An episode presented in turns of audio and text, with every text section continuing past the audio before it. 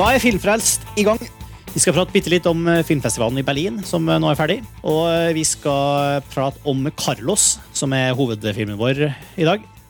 Og vi skal i en bitte liten tur innom Kongens tale, før vi avslutter med en lengre diskusjon om Oscar-utdelinga, som ble tatt opp morgen etter Oscar-utdelinga, faktisk. Jeg heter Martin Sivertsen, og jeg sitter her med Erik Vågel. Hallo, Erik. Hei sann, hei sann. Og Karsten Meinick. God kveld, god kveld. Og Sivert Almvik. Hallo, Sivert. Hallo, hallo. Alle sammen via Skype. Der er altså podkasten fra nettmagasinet montasj.no. Uh, ja, nå har jeg ikke sett Karsten og Erik. Dere så jeg sist i Berlin. Mm. Ja. På uh, den såkalte Berlinalen. I festlige omstendigheter. Ja. Der Berlinale. Jeg, har faktisk ikke sett, jeg var jo ikke med på så mye på selve filmfestivalen, men, uh, som, som pågikk hele uka der. Men men eh, det var jo Fikk dere sett mye film? Jeg fikk sett én film, bare, nemlig. Og det, var, og det var selvfølgelig Jørgen pluss Anne Sant, som vi tok opp i sist, uh, sist filmfest-episode. Ja, forrige, forrige filmfest var jo i Berlin. Ikke sant? Så den, eh, men, men hva, hva, har dere sett ellers, og hvordan var festivalen? Erik, du var der og, og Jeg var der og paradoksalt nok dro til Tyskland for å snakke med nordmenn. Litt sånn som du som dro til Berlinalen for å se norsk film. Ja, så, ikke sant? så nei, jeg var der for å jobbe med kommende prosjekt og ting. Jeg så, jeg, jeg så ikke noe film, gitt. Sånn er det hvert år. Men det er bare å høre, sånn, høre med. Ingen filmer? Ingen? Nei, jeg har ikke gjort det i Berlin på ja, veldig lenge. Nei, det, det, er bare sånn det er. Jeg drar dit for European Film Market, og da handler det om å møte folk og snakke med folk om, om pengene deres og filmene deres og sånne ting. Og, men det var en vellykka tur, vil jeg si. Men da må vi jo få høre et par ord om hva prosjektet ditt er, som du som vi var i Berlin for. Nei, det Er det hemmelig? Nei, det er ikke, ikke kjempehemmelig, men, eh, men, eh, det er jo liksom, man skal jo ikke skape eh, for høye forventninger for tidlig. Men jeg jobber med et, et animasjonsprosjekt sammen med Kvisten Animation, som dem som er ekstra interessert, kan google litt, så finner de frem til det. Herlig vagt og litt sånn En oppgave til, til lytterne. ja. Lett frem på nett. Kan ikke ja. du legge inn et clue sånn etter en halvtime, Erik? Som er sånn Ja, OK. Det kan jeg gjøre. Ja. Okay. Etter en halvtime. Det er greit. Yes, og Karsten, du, du, var der og, og så, så, mye film og, og skrev mye altså Dekka festivalen ja. på, i spaltene på montasje? Ja, vi bestemte oss, uh, Eirik og jeg som redaktører, da, i år for å virkelig ta for oss Berlinhallen. Um, så vi brukte jo Vi var jo på festivalen uh, hele løpet, egentlig. Ni dager totalt. Uh, og, og, hadde jo mange møter, akkurat sånn, sånn, som Erik. Vi benyttet jo anledningen til å gjøre så mye som mulig, selvfølgelig. Um, men vi så jo også massevis av film. Um, og jeg syns jo Berlinhallen har en sånn merkelig veldig merkelig posisjon som filmfestival. For på en måte så har jeg vent meg til at det vises ganske mye svak film på Berlinalen.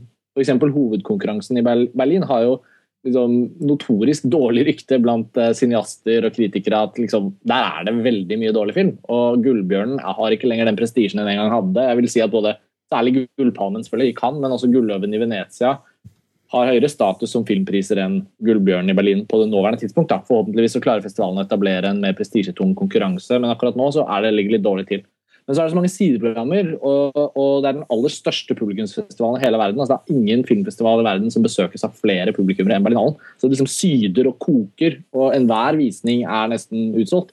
Den eneste visningen jeg var på som ikke var full, det var da en midnattsretrospektiv visning i Ekstrakt med Forum av en japansk film fra 1958. Den var, den var bare to tredjedels full. Så, så det var bra? Uh, ja nei. nei. nei. Nei. Bra er ikke ordet. Den var, ganske, den var selvfølgelig interessant i hermetegn. um, men, men, det var en morsom opplevelse. Jeg angrer ikke på at jeg gikk på den. Det er, det er veldig viktig å se minst én retrospektiv film hvert år, og i år ble det to på meg. da den japanske, og så så jeg Taxi Driver i 4K, introdusert av Paul Schrader. Også stappfull sal. Det var helt fantastisk. Oi. Mm. Så, hva, hva, hva gjorde det for, eh, for, for filmen? Altså, Nei, det, altså, jeg vet ikke Nå begynner, begynner jeg kanskje i en rar ende. Det er kanskje morsommere for folk å høre om nye filmer de kan glede seg til. Men Taxi Driver er jo nå restaurert, akkurat som mange klassikere er i forbindelse med Blu-ray. Eh, liksom hele jippoen med HD og Blu-ray og sånn, så gjør det jo at veldig mange gamle filmer nok en gang skal restaureres Sånn som det var da de ble sluppet på DVD for ti år siden. Så Taxi Driver har nå gått gjennom en kjempeprosess, og det ble vi introdusert for i begynnelsen av visningen, da, hvor mannsfatter Paul Schrader og uh, sjefs, uh, sjefsfilmhistorikeren i eh, Colombia, det selskapet som eh, produserte filmen i sin tid, de, de sto på scenen og rett og slett snakket om selve restaureringen. Da. Og Taxi Driver var jo en litt sånn skitten, grungy film da den ble laget i 1976. Eh, Den skildrer jo et New York som er helt annerledes enn det New York vi kjenner nå. New York var jo skikkelig var fullt av prostituerte og narkolangere på gatene på Manhattan. og Det var liksom en helt annen verden. For alle som har sett Taxi Driver, så ser man jo det i filmen. Men altså, liksom Filmens estetikk og liksom måten den ble presentert på, sånn, jo, var jo preget av sin tid. De hadde jobbet veldig med å restaurere filmen i, i 4K-oppløsning digitalt, men uten å fjerne det litt sånn grove um, preget. da. Og Det syns jeg de hadde lyktes utrolig godt med. Men det, men det man så i de enormt skarpe bildene, var jo da mange flere detaljer av selve byen. Særlig liksom de, de eh, eksteriøre bildene når han går rundt på gatene ikke sant? og utenfor det der valglokalet hvor hun, Sybil Shepherds karakter jobber. Og, det var veldig inntrykksfullt. Og så var det så gøy å se filmen med full sal. Jeg kom jo fra VHS-generasjonen, så jeg, jo, jeg, så jo Tax Drive første gang på VHS på en sånn 14-dommers-TV med VHS-spilleren bakt inn i boksen. Så, Plutselig så fikk du se mye du ikke hadde sett før? Liksom. Ja, men det var, jo, det var jo på mange måter eh, en anledning for meg å se mye jeg ikke hadde sett før i, i en av er en av mine absolutte favorittfilmer nå. Da. Jeg har jo sett den på filmskoler og sånn også, på lerret, men da på DVD og på en måte på, også på VHS flere ganger igjen. Så det var aller, aller første gang jeg virkelig så den på en kino. da. Det var faktisk en av de beste opplevelsene fra hele Berlinalen. Og så Det sier litt om filmfestivalen nå, da. At den har en enorm bredde i både retrospektive visninger, restaurerte filmer, sideprogrammer øh, og alt sånt. Så nei, det var, det var, virkelig, det var virkelig gøy. Har, har, du vært på, på filmfestival i Berlin, Sivert? Jeg har nok dessverre ikke det. Den uh, nærmeste jeg har kommet i filmfestivaler i Berlin, det er jo Kosmorama. Så det er ikke så veldig langt. Nei, jeg har ikke hatt den her ennå, men det kommer vel en gang i tida. når jeg får. Kosmorama ligger jo for så vidt heldig, heldig, til, da. Eh, for Kosmorama arrangeres jo et par måneder etter Berlin, vanligvis. Ja, Som får mange av de samme filmene, kanskje? I hvert fall ja, store... Vi, møtte, møtte ja. jo noen av de programmererne fra Kosmorama under festivalen. Og de var jo veldig, de hadde jo på en måte en kjempekort frist til program, programmet skulle settes. da. Men de kunne jo liksom komme ut av en visning og si sånn Ja, denne får du se i Trondheim i april! Så det var sånn De har jo de har en kjempefin mulighet der til å ta fersk film og bli de første som viser det i Norge, da lage et lite bånd der mellom Berlinalen og Kosmorama, Sivert. Så høydepunkt for deg til Taxi Driver i 4K. Erik, hadde du noe, noe høydepunkt som du ikke har Sjøl? Ja. Nei, eh, det blir jo bare sånn eh, Jeg har jo ikke noe story fra Berlin. Si et, var, var, det ikke sushimiddag med oss?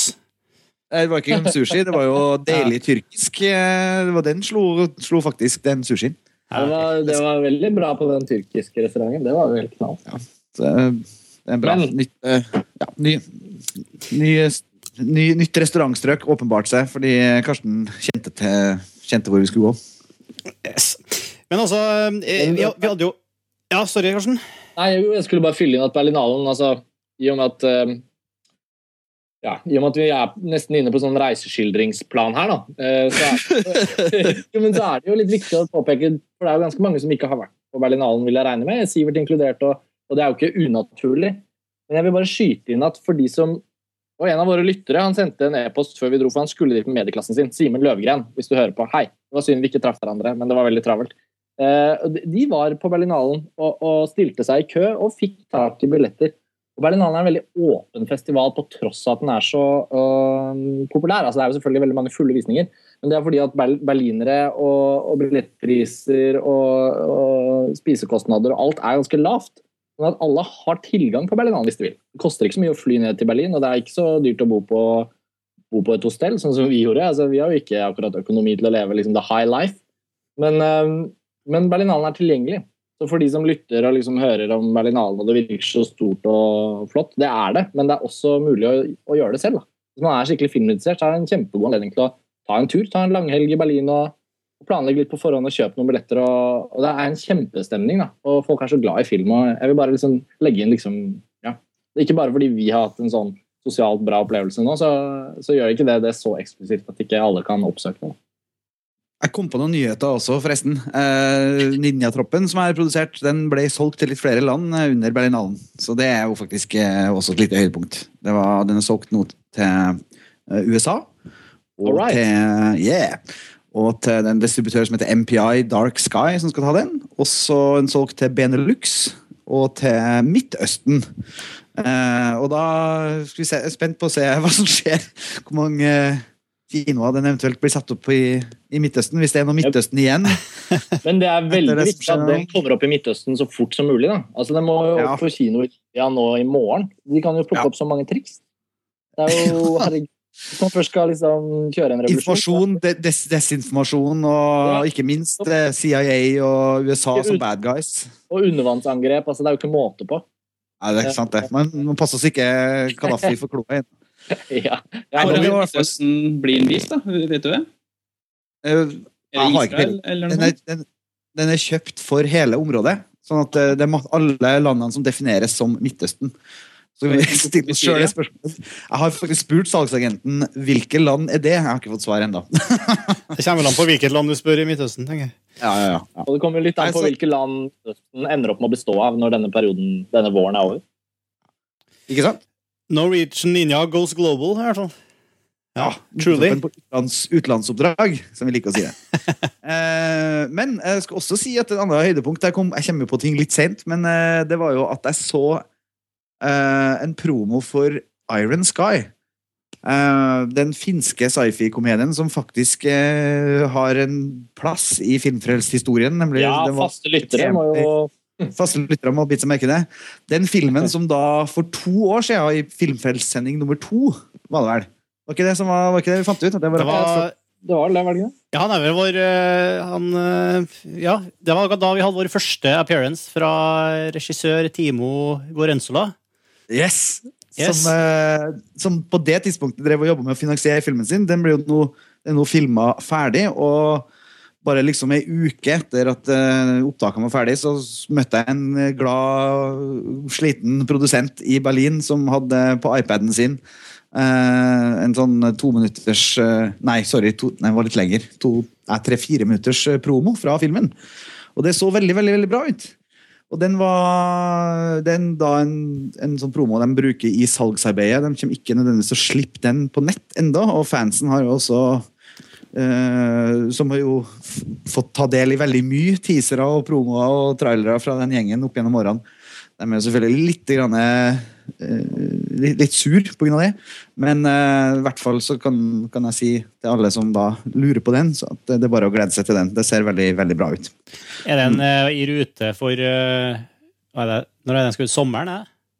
Nei da, den Nei. kommer ikke til å komme ut eh, altså Hvis den kommer ut i år, så blir det slutten av året, eller så blir det 2012. Ja, ok. Mm. Tror jeg. Men uansett, det er jo seks millioner euro storproduksjon, filma i Australia og Tyskland.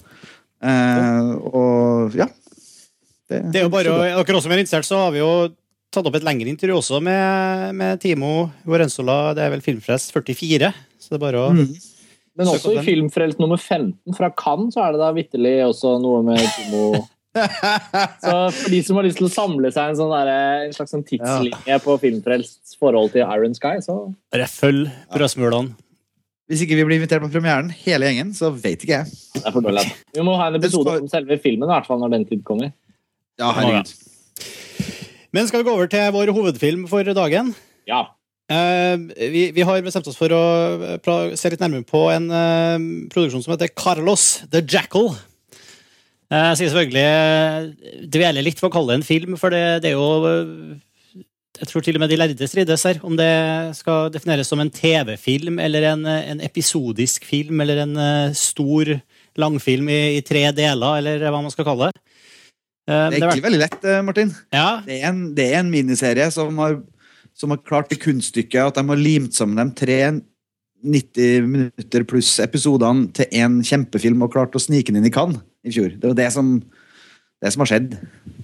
Det er en uh, Det er veldig TV-miniserie. kjedelig, Erik. Det er jo kjempemystisk og rart at den kan være så mange formater på en gang. Jeg vet i hvert fall at uh, regissør eh, Olivier, Olivier Assayas uh, er kritisk til å kalle det en TV-produksjon. Sjøl, i hvert fall. Hvis du det, ja. Ja, i, i making of-intervjuet som ligger ved DVD-en, i hvert fall, så eh, har den eh, syns den det er bare tull å snakke om det som en, eh, som en TV-film, liksom. Da må han krangle med IMDb og, og Kanal Pluss, som er hans, hans Som er hovedfinansiør. Ikke sant? Ja. Eh, men det er i hvert fall, eh, som du sier, helt riktig, den ble vel den til sammen tre og en halv time, cirka? Nei, nei. Over fem. Nei, jeg mener, sorry, fem og en halv time, mener jeg, selvfølgelig. Mhm. Eh, Det var vel såpass, ja. Fem og en halv time, eh, og ble vist på Cannes, ja. Og finnes jo ganske mange forskjellige versjoner. Og jeg vet ikke hvilke Jeg har jeg har sett den som jeg tror er the, the full story. Som er tre eh, cirka ja, til sammen en fem og en halv time. eh, Mm. utgitt på DVD som t- på tre disker. Um, det Mm. finnes også en eh, veldig nedstrippa versjon som er bare Det er vel en Ja, nå vet jeg ikke hvor lang den er. Det finnes i hvert fall en veldig nedstrippa filmversjon. Og kanskje flere litt, halvveis nedstrippa versjoner også. Jeg tror den er 140 minutter, eh, så vidt jeg husker. For at, for at jeg så den nedstrippa eh, versjonen. Å ja, så interessant. Så du har sett den uh... Den kortversjonen, ja. Ja, det er bra. Okay. Jeg begynte å lure når dere snakka om fem timer. Jeg tenkte, tenkte alle dager, det gikk jo fort. Jeg ble veldig overrasket. Jeg ble veldig positivt overrasket da du sa sånn fort Ja da, jeg så den på søndag. Jeg bare wow. Ja, for jeg har brukt flere, flere dager på den. Det er interessant Jeg å snakke om hvordan vi har sett den, da, egentlig, hver og en av oss. Ja. Bare for å Bør også kanskje si noe om hva den handler om, kanskje aller først, for dem som ikke henger med i lytterskaren. Ja, vi kommer nok til å gå Det er jo ja, det er, ikke, det er jo så fint som man ikke kan regne med alle som har sett, kanskje, for den har vel ikke hatt eh, Det er en sånn typisk DVD Jeg har sluppet på DVD og Blu-ray i Norge bare i den korte versjonen, altså filmversjonen. Og det er fordi at rettighetene, rettighetene på den lange versjonen er forbeholdt norsk TV. For den er kjøpt opp til å bli vist på TV som miniserie. Vi kan Mm. ikke gi den ut i langform på norsk. Det er jo kriminelt! Ja, så den er jo til salgs på, i langversjonen fra play.com. Jeg tror de i Scanbox i Norge er litt sånn oppgitt over det. da, At ikke de rett og slett kan gi ut den lange med en gang. Nettopp. Ja, for det, ja. Det er i hvert fall ikke noe problem å kjøpe den fra play.com. Nei, det er jo selvfølgelig ikke det, men det er jo leit når man er norske distributøren. da. Men sånn er det jo. Men det er også eh, en film basert på eh, en eh, sann figur. Carlos the Jackal er liksom tilnavnet hans. Han heter Ilich Ramirez Sanchez. En, sånn, ja, en av de store notoriske revolusjonære terroristene i, som var mest aktiv på 70- og 80-tallet. Eh, som, eh, som hadde blitt lagd film om i Frankrike, da, med Edgar Ramirez i hovedrollen. Mm. Jeg vet ikke, eh, Sivert, jeg har litt lyst til å høre bare først hva du syntes, jeg, som har sett en litt annen versjon enn den vi har sett. Jeg vil, jeg vil, anta, jeg vil anta at det vil forandre eh, helhetsinntrykket av, av filmen. Hvis vi bare kan ta sånn kjapt om om du likte den eller ikke, rett og slett. Eh, Så, med det samme jeg så den, da, eh, så syns jeg faktisk den var litt kjedelig og hadde veldig tregt tempo som ikke, Oi. som ikke fungerte. da. Og jeg følte aldri at du helt Eh, jeg, Eller jeg skjønner nå da, hvorfor at jeg synes, synes at den var litt rar. For den var litt oppstykka. Litt sånn. Det var en del info du føler forsvant. Mm. Men det fant jeg ut nå fordi at den er jo klippet ned. Det er jo to ti timer som mangler. Ja. Ja. Men, men allikevel så virka han treg. Ja, den var litt treg. Eh, Nå vet jeg ikke hvordan den originalserien er, da, men den virka litt sånn Det var ganske lite snakking og ganske lite action, eller sånn lite sånn fra selve hendelsene han har vært med i. da. Mm. Det er det jeg kan si. For at jeg skulle nesten tro at, uh, hvis, at det ville være uh, ja, mest fokus på de mer spektakulære sekvensene. Og og det ville liksom holde, holde drive hele tida gjennom en sånn kort nedstrippa versjon. Men uh... Nei, Jeg tror de har forsøkt å få med begge her, da. Sjølve litt Mm. sånn historisk og både litt fart og spenning. Men det, det ble litt sånn Ja, nei, det, var, det, det er vanskelig å si, men jeg ble oppfatta litt sånn treg og litt kjedelig, da.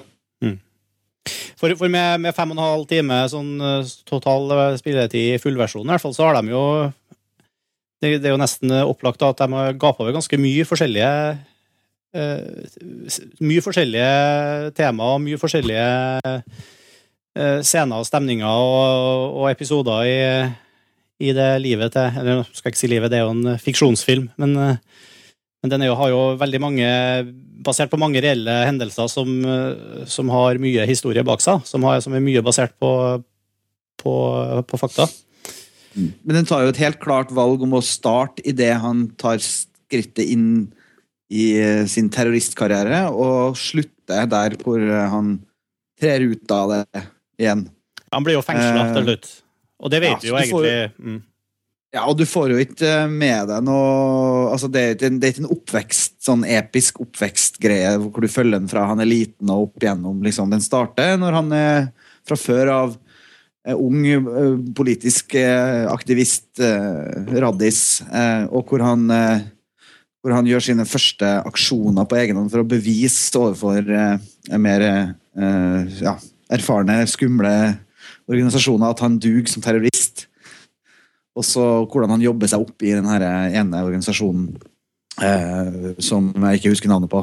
Eh, som eh, slåss for For det han slåss for, er Palestina. Han er jo the, the, the, popular, the Palestinian Popular Front. No, the Popular Front Ja. for uh, Liberation of Palestine. Eh, De heter eh, EFLP. heter det. Ja, Popular Ah, okay. Front for the Liberation of Palestine. Mm. Stemmer det? og så følger den jo Den er jo også bygd opp rundt dem Altså Det som på en måte er klimaksene i, i den lange historien, er de større aksjonene hans, men det er også veldig mye sånn eh, Mye handling på bakrommet og mye, eh, mye intriger med, med de ulike kvinnene i hans liv og, og sånne ting. Og så blir det veldig Eh. personlig etter hvert. Eller, ja. ja. Ja. Men, men hvordan Men altså, etter, en, noe av det som slår meg mest, kanskje aller mest med hele Som, som liksom gir deg veldig sånn særpreg, da, som er kanskje det noe av det første jeg tenker på når jeg tenker på det på Carlos, er liksom hvor utrolig mye Hvor mange Altså hvor global den er, på en måte. Eller i hvert fall eh, selv om den er først og fremst Europa og, og eh, Midtøsten, men hvor, hvor eh, mange lokasjoner de har vært og filma i, og hvor mye iscenesettelse det er, liksom. Mm. Hele tida. Hvor eh, den virker på en måte ganske stor, da. Selv om den eh, Ja, om den reelt sett er det eller ikke, men den har i hvert fall uh, liksom preg av å ha veldig mange scener, veldig mange Og veldig mye kule og 70-tallskostymer, uh, eller eh, mye klær og biler, men, men også at, at den er liksom så ja, den, På den måten føles det som den har hentet, tatt veldig ut av rammene for en vanlig sånn TV-produksjon. Mm. Nei, den er veldig internasjonal også i forhold til språk. Det er jo helt sjukt Ja. hvor mange språk eh, karakteren Carlos eh, snakker. Eh, han bytter jo mellom spansk og arabisk og fransk og engelsk, gjerne i samme scene. Litt Tysk. avhengig av hvem man snakker til. Ja, og tysk ja, avhengig av hvem man snakker til i, i, i hvilket uh, Altså hvem som er i rommet, liksom. Uh, og, og det er jo sånn sett et, et ekstre, jeg- altså, jeg må jo si jeg likte det veldig godt. da, kan jo avsløre det med en gang. For at jeg synes det var, det var et helt fantastisk tidsbilde som kommer gjennom uh, altså, Og bildet på internasjonal terrorisme. da. Eh, men, men virkelig i en annen tid enn den vi lever i nå. Eh, med både, både med kald krig, men også i forhold til hvordan de opererte. i forhold til hvor hvor du ser at de bare flyr rundt i hele, øh, hele Europa og til, til Midtøsten. og Eh, og relativt fritt. Det er bare noen falske pass og noen greier. Så er de liksom beveger ganske fritt og, og smugler våpen eh, og, og driver med andre, andre ting som i dag ville vært utenkelig etter eh, 11. september. Og så er det også Eh, veldig interessant å se hvordan de liksom hele tida operert med statssjefene, eh, statsmaktene i de her støttelandene. Ja. Hvordan, var, hvordan han eh, spiller statene opp imot hverandre og får uh, cashe inn tjenester her og, og får hjelp der og, og forråde noen der. Og ikke minst syns jeg det var ekstremt interessant å se hvordan han spilte på motsetningene som lå i de ulike arabiske landene han var involvert i, eh, eller eh, gjorde business med, enten det var som terrorist eller som våpensmugler. Eh, og det er i hvert fall det, det jeg syns liksom, det her fikk meg til å, å virkelig få lyst til å lese mer og finne ut mer om både han og organisasjonen hans og den tida. Det var det som liksom var effekten på meg. av det her, Selv om det er liksom fem og en halv time og det er ganske grundig gjort, så er det, får du likevel bare liksom hint til, til og, ja, eller i hvert fall ble jeg veldig sånn nysgjerrig på, på hele epoken da, og, og, og hele den politiske situasjonen i de landene de er innom. Eh, men jeg vet ikke om jeg er kanskje den som, som digga det mest. Eller? Jeg hører jo nå at jeg bør se den lengre, lengre versjonen. Ut ifra det, eh, du, det du forteller, så høres det jo kriminelt ut med bare 140 minutter. altså. Det er, Ja, nei, det var, Du fikk aldri noen sånn særlig spesielle følelser eller noe sånn innblikk i uh, terroristverden, for de var jo plutselig i Syria. Plutselig så Mm. var de i Tyskland, og plutselig så var de i Algerie. Det virker som de har tatt bort alt det som eh, Erik pe- peker på som interessant. Ja, det, ja, det virker sånn. Så det var derfor man aldri helt klarte å bli kjent med den karakteren hva Carlos er. da. At man, det var ikke så mange damer, så vidt jeg, jeg husker jeg kan komme på tre da, damer. Og kun Mm. én av dem som han fikk barn med, ifølge filmen her. her da. Ja. Det var litt, det var litt tynt. Det er forresten ganske komisk. Et par, da, selv når han møter uh, hva, Da husker jeg hva hun heter. Hun som han gifter seg med, som er den store dama i filmen. Skal du si.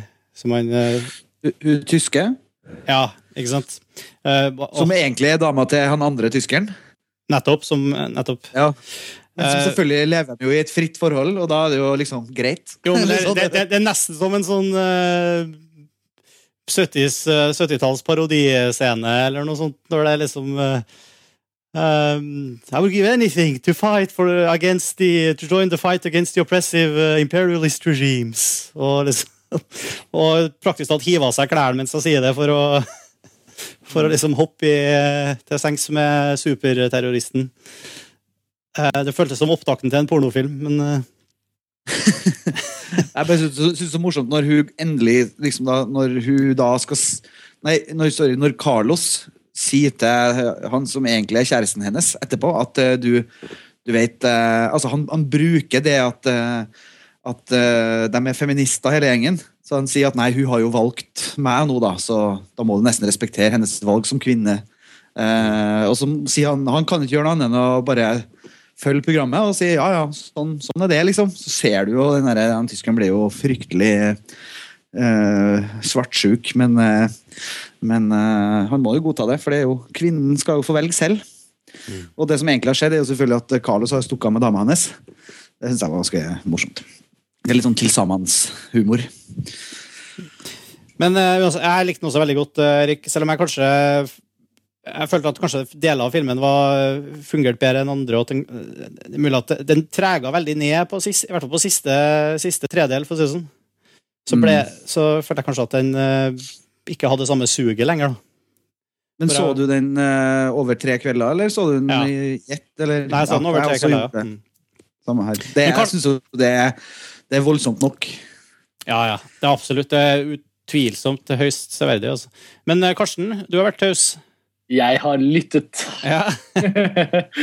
Nei, jeg syns det er gøy å høre andre snakke om en film når jeg kan liksom få spare mine meninger litt. Grann. Jeg er jo alltid liksom frempå og skal si noe med en gang.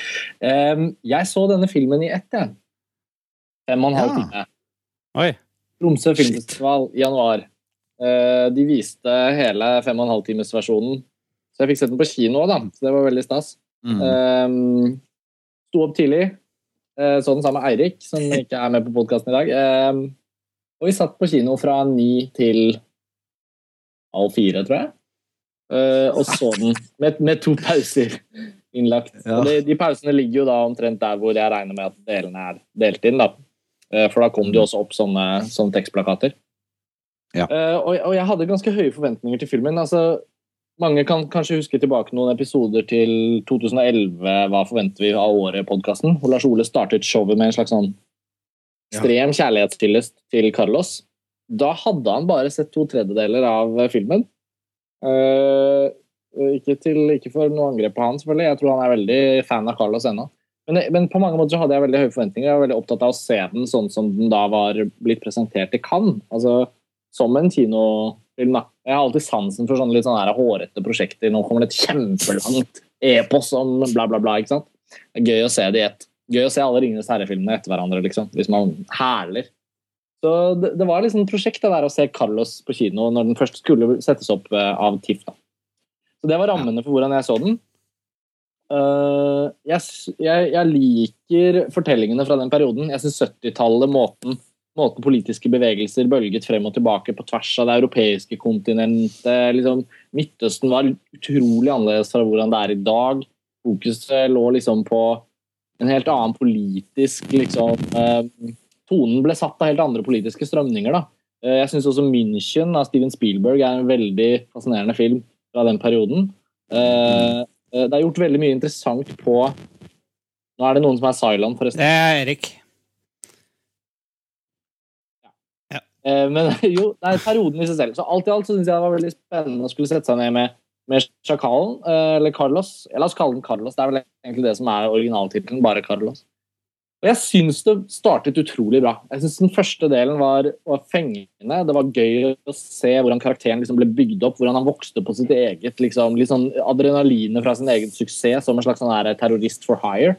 Og hvordan han vekslet mellom at han ble veldig Han var jo på en måte en sosialist som kjempet for på en måte kommunismens sak på, eh, på en internasjonal scene, samtidig som det der, det med at han da måtte bytte liksom, og egentlig var mest drevet av det at han var en soldat, da, som han sier underveis, at, at han er først og fremst en soldat, og saken viser det seg er mindre og mindre viktig for hvorfor han skal slåss. Andre delen, som i hovedsak egentlig foregår om bord på et fly, som er blitt kapret og som leter etter et sted å lande, og det er liksom ikke måte på hvor, hvor mye som skal forhandles. Og da er jo til og med Gaddafi inne i bildet, som nå er kanskje på vei til å bli styrtet i Libya. Det sier jo litt om hvor, hvor lenge noen av de, noen av de eh, statslederne eh, i Midtøsten har sittet. da. Eh, han Presidenten før Mubarak, som ble assassinert, var jo en president som egentlig Karolos skulle assassinere, men som i løpet av filmen vi, blir, vi forstår at det er noen andre som løser jobben før han klarer det. Et cetera, et cetera. Og det var Mubarak som tok, av, tok over etter ham. Så alt synes jeg De historiske rammene, det som hele historien foregår i rammer som er veldig spennende. Det er utrolig interessant. Og selv om det er en fiksjonsfilm om virkelige karakterer, så føles den veldig tro mot i hvert fall et hendelsesforløp da, som var reelt. Dette er de mest positive tingene jeg har å si om filmen, for jeg syns den tredje delen, hvor det blir i større grad en veldig veldig klisjéfullt søtsuppe, og i det overrasker meg at ikke de kommer nærmere inn på karakteren Carlos. Da. Vi får ikke vite noe mer om han. Han blir egentlig bare en mer overfladisk og mindre interessant karakter av den tredje delen, ved at vi i større og større grad skjønner at han er egentlig en veldig platt fyr. Som, mm. som, eh, som ikke har noen spesiell emosjonell dybde, og som egentlig bare sitter og sutrer. Eh, og havner i ja, Nå skal jeg ikke spoile det, da, men i hvert fall siste tredjedelen, hvor han på en måte avventer livet sitt litt, kan vi si. Der, mm. der, der, syns jeg ikke de fikk noe ut av det som lå der. Der syns jeg ikke de fikk noe ut av måte, hans rolle som far, hans rolle, liksom, hvordan han hadde vokst til og blitt en mer voksen person, tross alt. Altså, det var mange sånne livserfaringer som i hvert fall på et sånt humant plan man kan relatere seg til selv om man er en profesjonell terrorist, som de absolutt ikke fikk fram, men som de brukte innmari mye tid på. Når man da sittet der, da Ikke sant? Siste, siste del, siste tredje. Mm. Så føler jeg liksom at skal dere bruke to timer til og ikke fortelle noe nytt om altså Ikke vri filmen i en vending hvor vi får et mer humant bilde. Altså, på mange måter, Jeg ville vært helt åpen for at de hadde skildret ham på en kjempesympatisk måte, selv om han har begått forferdelige handlinger. Altså, Film skal handle om å gi oss et interessant innblikk i mennesker og situasjoner. på en eller annen måte, da. Og det ble ikke det for meg.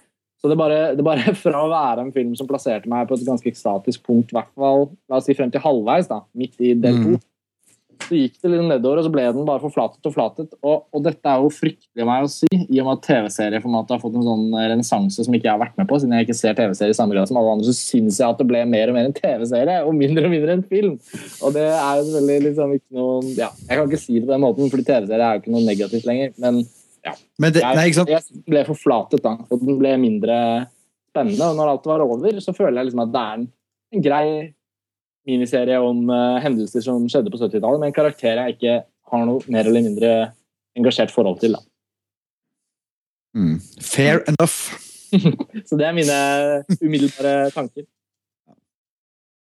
Jeg, jeg, jeg, mm. jeg, kan følge deg på at den faller i siste del, altså. Det kan jeg gjøre. Eh, men, eh, men jeg syns jo det er litt av hele prosjektet her er jo at altså For det første så klarer de jo å selge inn altså, Allerede i første ti minutter så har han jo tatt livet av noen uskyldige folk. altså de klarer likevel å, å, å, få deg til å følge han som en hovedperson. Du skal, altså, de klarer å selge inn han som en hovedperson du skal henge med da, gjennom hele det her verket.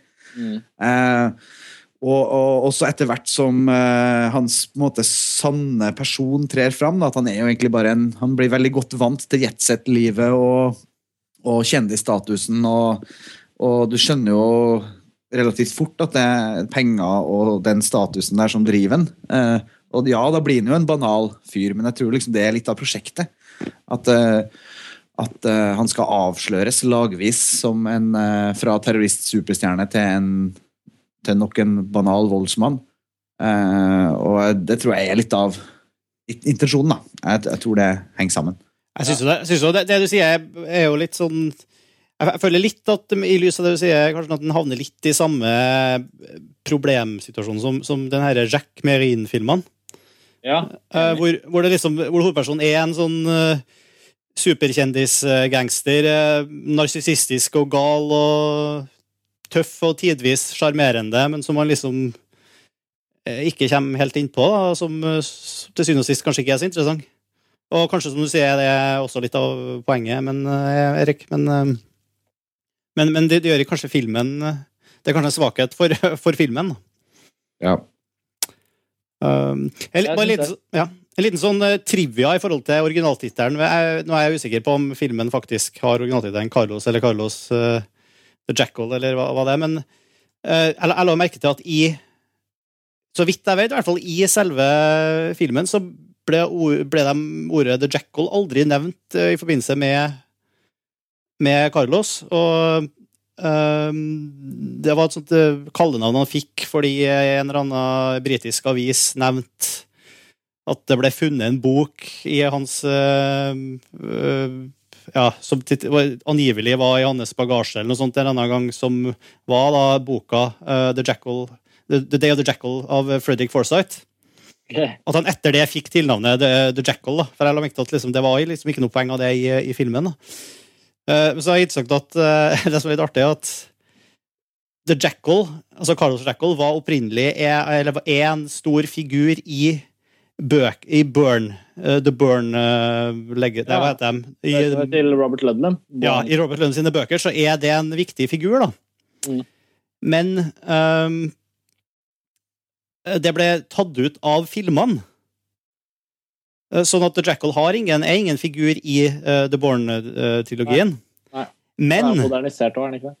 ja, men i den siste, i The Born Ultimatum, så spiller Edgar Ramirez eh, en viktig rolle som, som Ja, skurk. han er jo han, ja, han, er han snikskytteren. Ikke sant? Og Edgar Ramirez er selvfølgelig også mannen som spiller The Jackal her, i, i TV-filmen. Sirkelen sluttes. Ja, så der har vi en sånn rar Yes. Men en annen ting som jeg vil da liksom trekke frem, som jeg har tenkt litt på i etterkant, er at Og nå er det spoiler. ok? Hvis dere ikke har sett Carlos, og hvis dere ikke kjenner historien, og hvis dere ikke vet noe om hva som faktisk skjedde, så ta på pause og spol fremover, da. Men i hvert fall, når alt kommer til alt, og han skal av gårde til å sendes i rettssalen, så slutter jo filmen, og så får vi noen tekstplakater om hvordan det går med de forskjellige. Mm. Rettssaken til Carlos er jævlig spennende stoff. Uh, og han har en advokat som dukker opp helt mot slutten av filmen. Som, som uh, Dere husker han, han, han, er med å sette opp noen møter, og, og de møtes, og, og det er liksom snakk om og utlevering og uh, diverse. Mm. Den advokaten er en, en legendarisk figur som det er blitt laget en dokumentarfilm om. Han heter Jacques Verger. Og det er blitt laget en dokumentarfilm for noen år siden som heter 'Terrors Advocate' om han. Og han har nemlig forsvart Han forsvarte um, uh, altså noen av de fra Røde Khmer-regimet i, um, i Kambodsja. Han forsvarte Carlos. Han forsvarte nazist, uh, nazisten Klaus Barbie. Uh, han um, tilbød seg å forsvare Milosevic. Altså, han, har liksom forsvart noen av de grusomste folka som har blitt stilt for retten. Eh, og, og hele rettssaken og hele det med å på en måte Når vi innser mot slutten av filmen at dette er en karakter vi på en måte har problemer med å, å, å, å i hvert fall bry oss om, men ikke minst så føles han veldig overfladisk og, og platt, så syns jeg de dramatisk sett kunne tjent veldig mye på å rett og slett inkludere rett og slett inkludere noe av den rettssaken for å gi oss gi oss noe mer, på en måte, en, en slags konklusjon i større grad enn at han bare dras inn og settes i fengsel. Da. Ja, for Du kommer jo til et punkt her hvor du bare Du vet at nå blir han uh, tatt, liksom. Eh, og de bruker veldig lang tid på å sette opp det punktet, ikke sant? Mm. Alle går liksom alle som Utrolig seigt, det der, eh, den delen i, i Sudan hvor han bare sitter der og har vondt Nettopp. i Testiklene, eller hva det er. ja, de, han har vondt, og de spaner når han blir mer og mer stakkarslig, og du vet at de skal bare Du vil bare sitte og vente på at de skal ta han, liksom. Ja. Og det, ja, det, kanskje det har vært veldig mye mer interessant, som du sier, det, om vi kunne ha fått sett litt hva som skjedde i etterkant. Eller? Jeg syns det, altså. Sivert, forresten, altså, hvordan var slutten i den korte versjonen? Var han like lenge på vent i Sudan, eller hvordan, hvordan ble slutten der? Det virker som det var like lang eh, slutt som du snakka om der, ja. At det, var, at det var mye venting og sånt i, i, i da, eh, i da Sudan, ja. De har virkelig gjort en rart valg med den der konjakkålstripa versjonen. Altså. De har bo- bomma litt, det, altså. Så det er litt sånn, Jeg er veldig imponert over prosjektet. Det er en storslått, eh, en storslått eh, måte å fortelle en sånn type historie på. Og jeg digger at, eh, at Olivier Assaya, eh, som, som Han har virkelig valgt seg et visuelt forteller, fortellerspråk i denne filmen, som, som strekker seg langt utover mange av de i hvert fall litt sånn litt kjipe europeiske miniseriene, da, hvis man kan si det sånn. Er et flott, et flott kostymedrama. Jo, og, og jeg syns den, den, den er ekstravagant i scenesettelsen av hele denne kapringen som foregår fra, fra Særlig del to, da. Den er jo imponerende på veldig mange måter. Minner om United eh, 93 av Paul Greengrass, som handlet om det flyet som styrtet på et jorde og ikke traff en bygning på 11. september. Eh, han, har, eh, han har en ekstravaganse i filmskapningen sin som jeg syns vi skal trekke fram. Det er veldig viktig for meg å si at den er den er såpass bra at jeg anbefaler folk å sette seg ned og se den. Og kanskje er det fordelaktig å dele den i tre, sånn som dere har gjort, og, og, og se den over noen kvelder. da. Ta det som en miniserie, og ikke tenke at det er en kinofilm. Uh, så den har jo veldig mye ved seg. Men når den, når den også står i posisjon til å være eksepsjonelt god, da, så forventer jeg ganske mye mer av den enn det man får. Vi har mista Erik til systemkrasj her. Så vi Ja. får, vi får bare, vi bare håpe at Erik var ferdigsnakka om eh, Ja, Håper han ikke var ekstremt uenig i det jeg akkurat sa, og at vi frarøver han tilsvarsserie. Ja, men Vi har sett den på tre forskjellige måter, i hvert fall. da. Ja. Jeg har ikke sett den eh, på tre kvelder, langversjonen. eh. Sivert har sett uh, eh, kortversjonen, turboversjonen, og likte den vel dårligst av oss. Jeg vil, Så- Så den vil vi Men nå skal ikke jeg si at jeg ikke kommer til å like den. Nei, da. Det er må jeg bare- Den må jeg se før. Men jeg synes det er veldig kjempe altså det, er, det er viktig og ganske interessant at du så den korte versjonen, nettopp fordi at det ofte skjer med sånne litt sånn ambisiøse prosjekter. da, At distributører og folk som skal få filmen ut, de, de kutter ned og fikser på ting sånn at liksom det skal være mest mulig tilgjengelig for folk. Uh, og jeg, jeg tror jo virkelig at hvis man skal se Carlos, så bør man jo se det som en miniserie og se, se hele greia. Eh, det høres merkelig ut å, å promotere på en måte et, et redusert produkt, da. mm. Mm. Det er sikkert mange årsaker til det ble sånn. Ja, Ja. selvfølgelig. Men eh, skal vi eh, Jeg har lyst til å Skal vi forlate Carlos der? Så vi rekker Det kan vi gjøre. Yes. Jeg har ikke noe usagt. Jeg avbrøt litt. Jeg tror han Lurifax driver og ringer mye. Ja, han Erik, det prøver vi å få inn her mens vi prater. Men Blir det med på lyden? eh, du- Nei da. hø- Hører du ringinga? Ja. Å ja. Hører du òg ringinga, Karsten? Nei, hører ikke. Hører ikke. Mm. Ja, ja. Yes, Erik eh, prøver å komme seg på her. Vi får bare ta, ta det når det Hvis han klarer å komme seg inn igjen. Men jeg hadde- lyst til å prate litt om eh, Kongens tale, som jeg vet vi har sett alle sammen her nå. Bortsett Ja. fra Erik, som ramla ut. tale, ja. Ja, det er jo en av de Jeg merker at det er en av de store filmene som, eh, som veldig mange eh, snakker veldig varmt om nå, som alle jeg har snakka med som har sett den, er veldig begeistra for den. Og nå fikk jeg sjanse til å se den uh, sjøl nettopp òg. Det var jo også en av de store Oscar-favorittene. Vi komme litt tilbake til Oscar senere. Um, men uh, der har jo, du har skrevet en, eh, en artikkel om Kongens tale, Karsten. Mm, det stemmer. Kan Bare kjapt oppsummere liksom hva Hva er greia med Kongens tale? Ja. Um, ja, hvor skal jeg begynne? For de som ikke vet det, da, så er Kongens tale en eh, kinoaktuell film som er eh, regissert av en fyr som heter Tom Hooper. Den handler, Det er en sann historie om en, um, en uh, mann som er liksom the duke of uh, Hva er han the duke of? Edinburgh. The, the, the, Edinburgh. nei, var det? Nei, det var et eller annet. Ja. Altså, han, er i, han er i det britiske kongehuset. Han er den yngste sønnen til kongen, kong uh, George den femte. på, i mellomkrigstiden, øh, og han sliter med at han stammer. Han klarer liksom ikke å, å, å være en offentlig person. Han kan ikke holde en tale. Han, han sliter uh, rett og slett med den talefeilen. Og det, og det preger han naturligvis som en person. Han er jo en innmari ålreit fyr øh, og har ingen egentlig grunn til å vegre seg for å snakke offentlig, men bare rett og slett en teknisk talefeil som gjør det vanskelig for han, og som selvfølgelig reduserer selvtilliten hans. Hans eldre bror øh, vil bli Englands neste konge når det inntreffer. og og etter hvert som mellomkrigstiden da trer frem og kong George 5. blir stadig sykere, så innser eh, hovedpersonen i filmen, da, som, som kalles Bertie av, av, sine nærmeste, at eh, det er en fare for at han faktisk også står i posisjon til å bli konge. Eh, og Parallelt med dette så forsøker konen hans å få han til en taleterapeut, eh, men etter mange forsøk så, så lykkes hun ikke, og de blir enige om at vi må bare droppe hele tingen.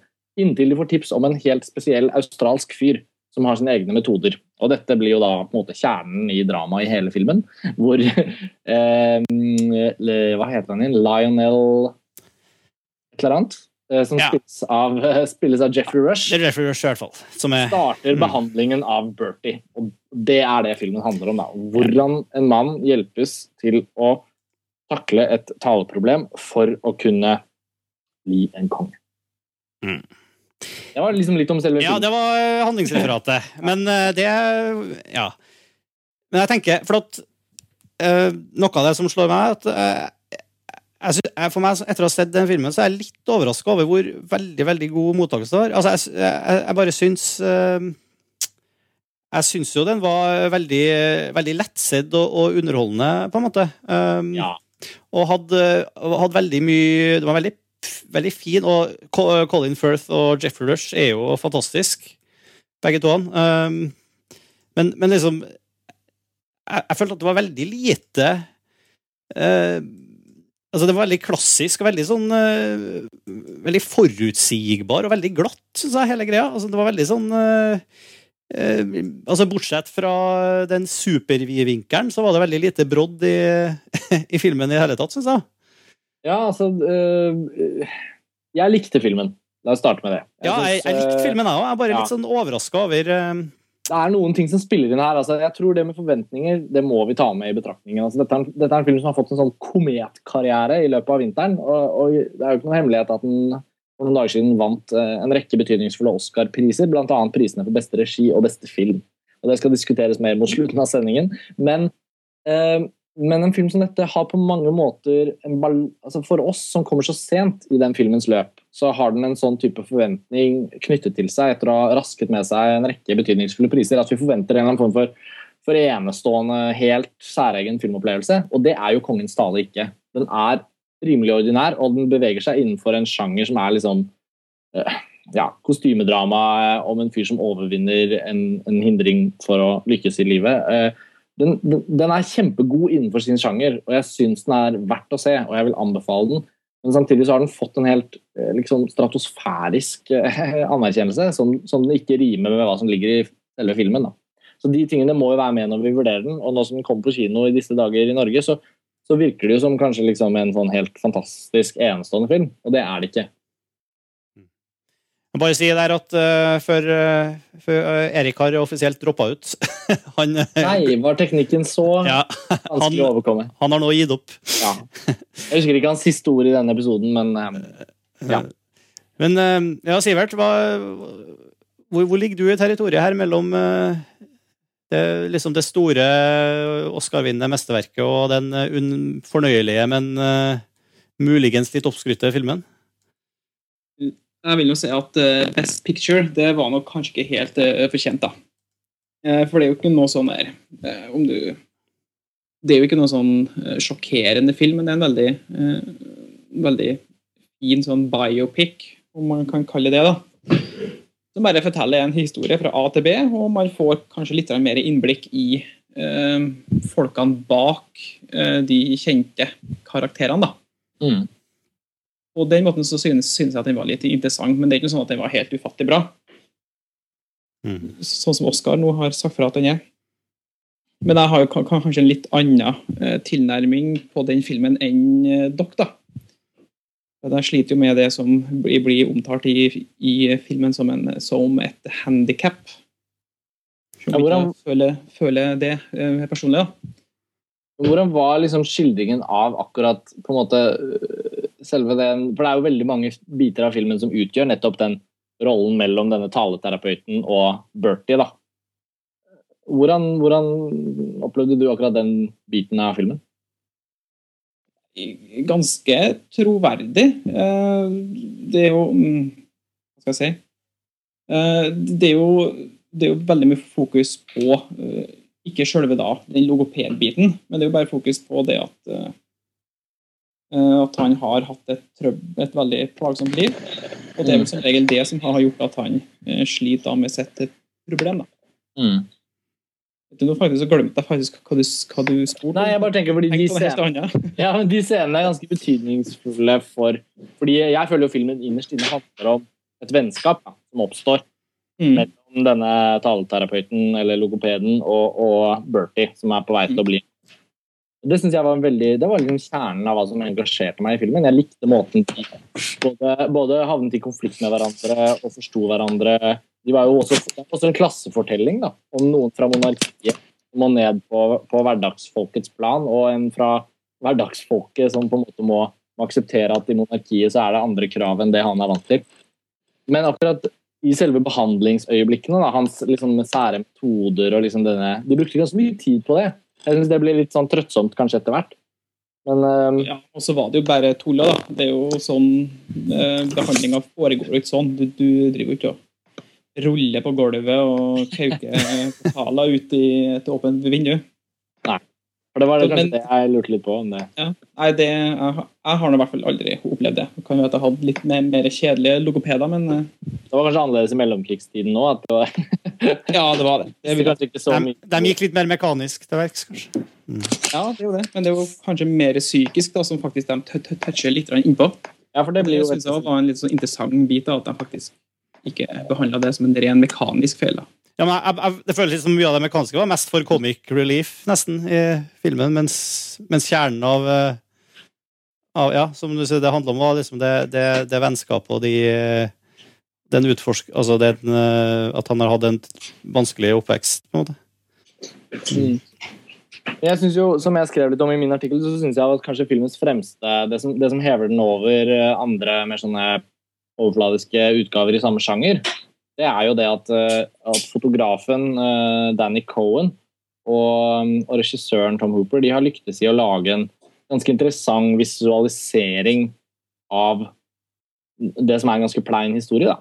Altså, jeg syns, eh, de lyktes godt i bruken av både måte, rett og slett å skape stemningsfulle, stemningsfulle steder og scener som stakk seg ut. Altså når de er ute og går den turen i tåken der i parken utenfor eh, Buckingham Palace, og også selve liksom, eh, eh, kontoret til han logopeden. Det er liksom denne liksom patinerte sånn altså Klasseforskjellen og stemningen som lå i scenen, var godt skildret av både valg av location, produksjonsdesign, måten han brukte linse på. Det er jo noen litt sånn ekstreme vidvinkelting som kanskje Det var ganske mye av det. ja, som jeg kanskje husker best. Men jeg syns, det var ganske fint gjort for å, for å illustrere forskjellige for, for, for å illustrere forskjellige stemninger. Altså, særlig på enkelte punkter så syns jeg de, han måten brukte vidvinkelen for å liksom spenne opp rommene. Spenne opp distansen mellom menneskene og gi oss en visuell opplevelse av hva som foregikk. Andre ganger så føles det mer påtatt. Det er jeg litt enig i det ble overdrevet. at Det var liksom det var, det var kanskje ikke det var kanskje ikke alltid like nødvendig for fortellingen. altså Noen ganger så er det ikke vits å gjøre noe annet enn å stille opp et kamera og la skuespilleren befinne seg der og gjøre en rolle. Og, og Colin Firth som spiller hovedpersonen, er jo kanskje selve stjernen eh, rent opplevelsesmessig. Han er kanskje den største kvaliteten ved filmen. For han gjør jo Bertie til en veldig troverdig fyr. Men jeg syns alt det hevet, hevet denne filmen opp fra sjangeren. For jeg syns sjangeren i seg selv er liksom begrenset. da. Det er, det er liksom grenser for hvor god en film kan bli i den sjangeren.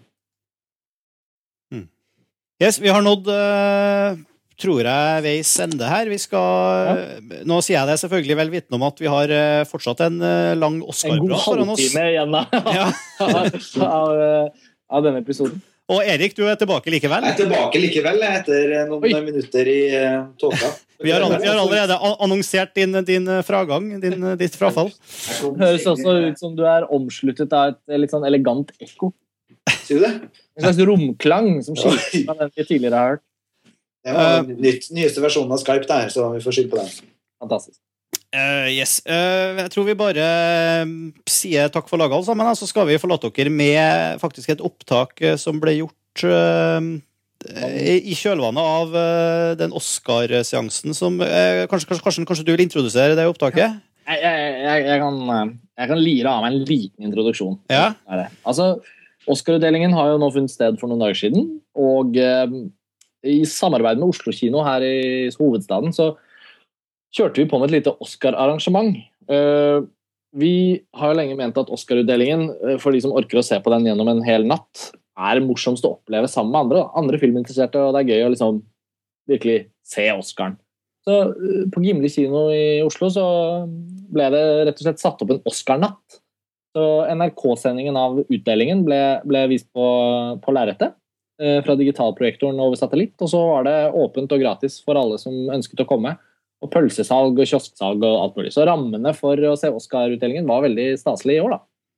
Og Lars Ole og Eirik og jeg vi har en historie med å se Oscar-utdelingen eh, over flere år. Altså Eirik har jo sett det helt siden jeg tror det er 92 eller 93, så han er jo virkelig en veteran. Eh, så vi, etter at uh, Oscar-natten var over, så dro vi hjem for en kort, en kort blund. Og så møttes vi til morgenkaffe mandag morgen for å diskutere både selve prisutdelingen, hvilke, hvordan showet var i seg selv, og litt også om NRKs sending, da, som ikke bare var en eh, positiv opplevelse. Så, så det gjorde vi uh, her Det var vel på et uh, fortau i morgensolen.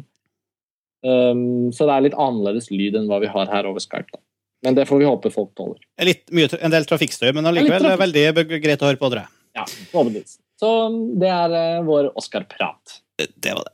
Så før vi setter i gang den, så må vi si takk til dere for, eh, for praten så langt. Ja. Vi er tilbake om eh, vi, vi, vi høres vel neste gang. Dette er episode 60, forresten. Her Det er det. Woohoo! Så et lite sånn woohoo! Ja. yeah. Eh, Det er jo Ok. ikke, noe- er stort jubileum. Nei. Men vi snakkes. Og her, dere som vil høre Oscar-praten, bare ikke skru av. Her kommer den. Da er det morgen etter Oscar. Og Lars Ole og Karsten og Eirik eh, satte seg på kafé og skal prøve å oppsummere natta. Ja. Eh, Vi er ganske trøtte. Litt trøtte. Litt trøtte, men eh, vi har hatt det veldig gøy. Vi har arrangert Oscar-natt på Gimle kino med sånn 140-150 mennesker. Og det var mye jubel og ja, egentlig ganske morsomt. Så hvor skal Ja. vi begynne? Det morsomste var jo arrangementet.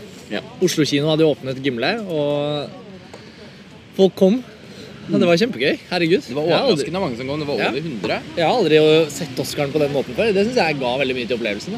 Ja. Vi sto i lobbyen der i et par timer før, og masse diskusjoner, og folk skulle fylle ut tippearkene sine. Og liksom. vin og Ja, det var litt sånn sprudlevann, og det var ikke måte på. Og så begynner jo moroa, da. Eller Ja. moroa, i hermetegn. For det ble jo på en måte en ganske tragisk uh, uttelling, spør du meg. Ja. Jeg vet ikke hvordan det var med dere. Jo, eh, men den, altså, man, den, ble, den ble veldig todelt. Man kan si at den hadde to akter. For Den første akten var litt sånn som en luremus. Den, eh, den var jo faktisk utrolig oppløftende. Ja. Eh, fordi eh, The King's Speech mistet pris etter pris etter pris. Og Inception vant for beste foto istedenfor Roger Deakin, som mange hadde trodd. Pga. at han har vært nominert ni ganger. og så var det veldig mange som forventet at han endelig skulle få. Heldigvis så fikk Wally Pfister for faktisk et arbeid. Så, eh, etter selv da å ha blitt nominert fire ganger på rad. Det snakket vi om i går, og er det historisk at en fotograf blir nominert for fire arbeider på rad? Og så vinner for den fjerde. Det er Ja, det, Og vinner for den beste, kanskje. ja. Ja, jeg- Kanskje, hva i hvert fall det mest avanserte arbeidet hans så langt. Ja, ja, det var ganske oppløftende i begynnelsen. Og det var en ganske kul start på showet hvor eh, James Franco og Anne Hathaway hadde måtte reist ned i drømmene sine. Brukte Inception som sånn Ja, det var kult. fortellermekanisme. Og så var det inn og ut, og Alec Baldwin dukket opp. Og det var liksom litt den der surrealistiske, morsomme greia i begynnelsen. Litt sånn påkosta Hollywood-start. Ja, ja, Men det datt jo ganske fort. Ja, og det var det kanskje det eneste bra de gjorde, for jeg syns de var tragisk dårlige som Altså, programledere. James Franco virket jo som om han ikke ville være der. Og så så det som så et helt annet kamera hele tiden. Ja, Så det virket som han var rusa. Ja. Ja, de var, det var så dårlig kjemi mellom dem. Fordi da Anne Hathaway hun prøvde så innmari hardt. Hun prøvde, ass. Og jeg synes hun var bra. Jeg tror hun hadde klart seg bedre alene. Ja, det altså, hvis hun også. bare hadde fått kjørt på med greia si. Og så, men sånn når hun begynte å synge til Hugh Jackman og sånn, da hadde det vært så kult om det var en reprise av Ja. forrige gang. At han da kom opp og sang med henne. programleder uten at noen visste om det, for Ja, for eksempel. Det Men så var det sånn avstumpet. Det var veldig mye som var sånn selve dårlig regi på arrangementet. Det var det var dårligste Os- Oscarshowet jeg kan huske å ha sett, tror jeg. Eh, og jeg sy- syns at eh, Jeg syns at det bar preg av nesten å være litt sånn russerevy. Mm. Eller hva heter de der jævlige? Eh, de der tre guttene som mange syns er morsomme. eh, raske menn. Åh, ja! Åh, jeg hater det.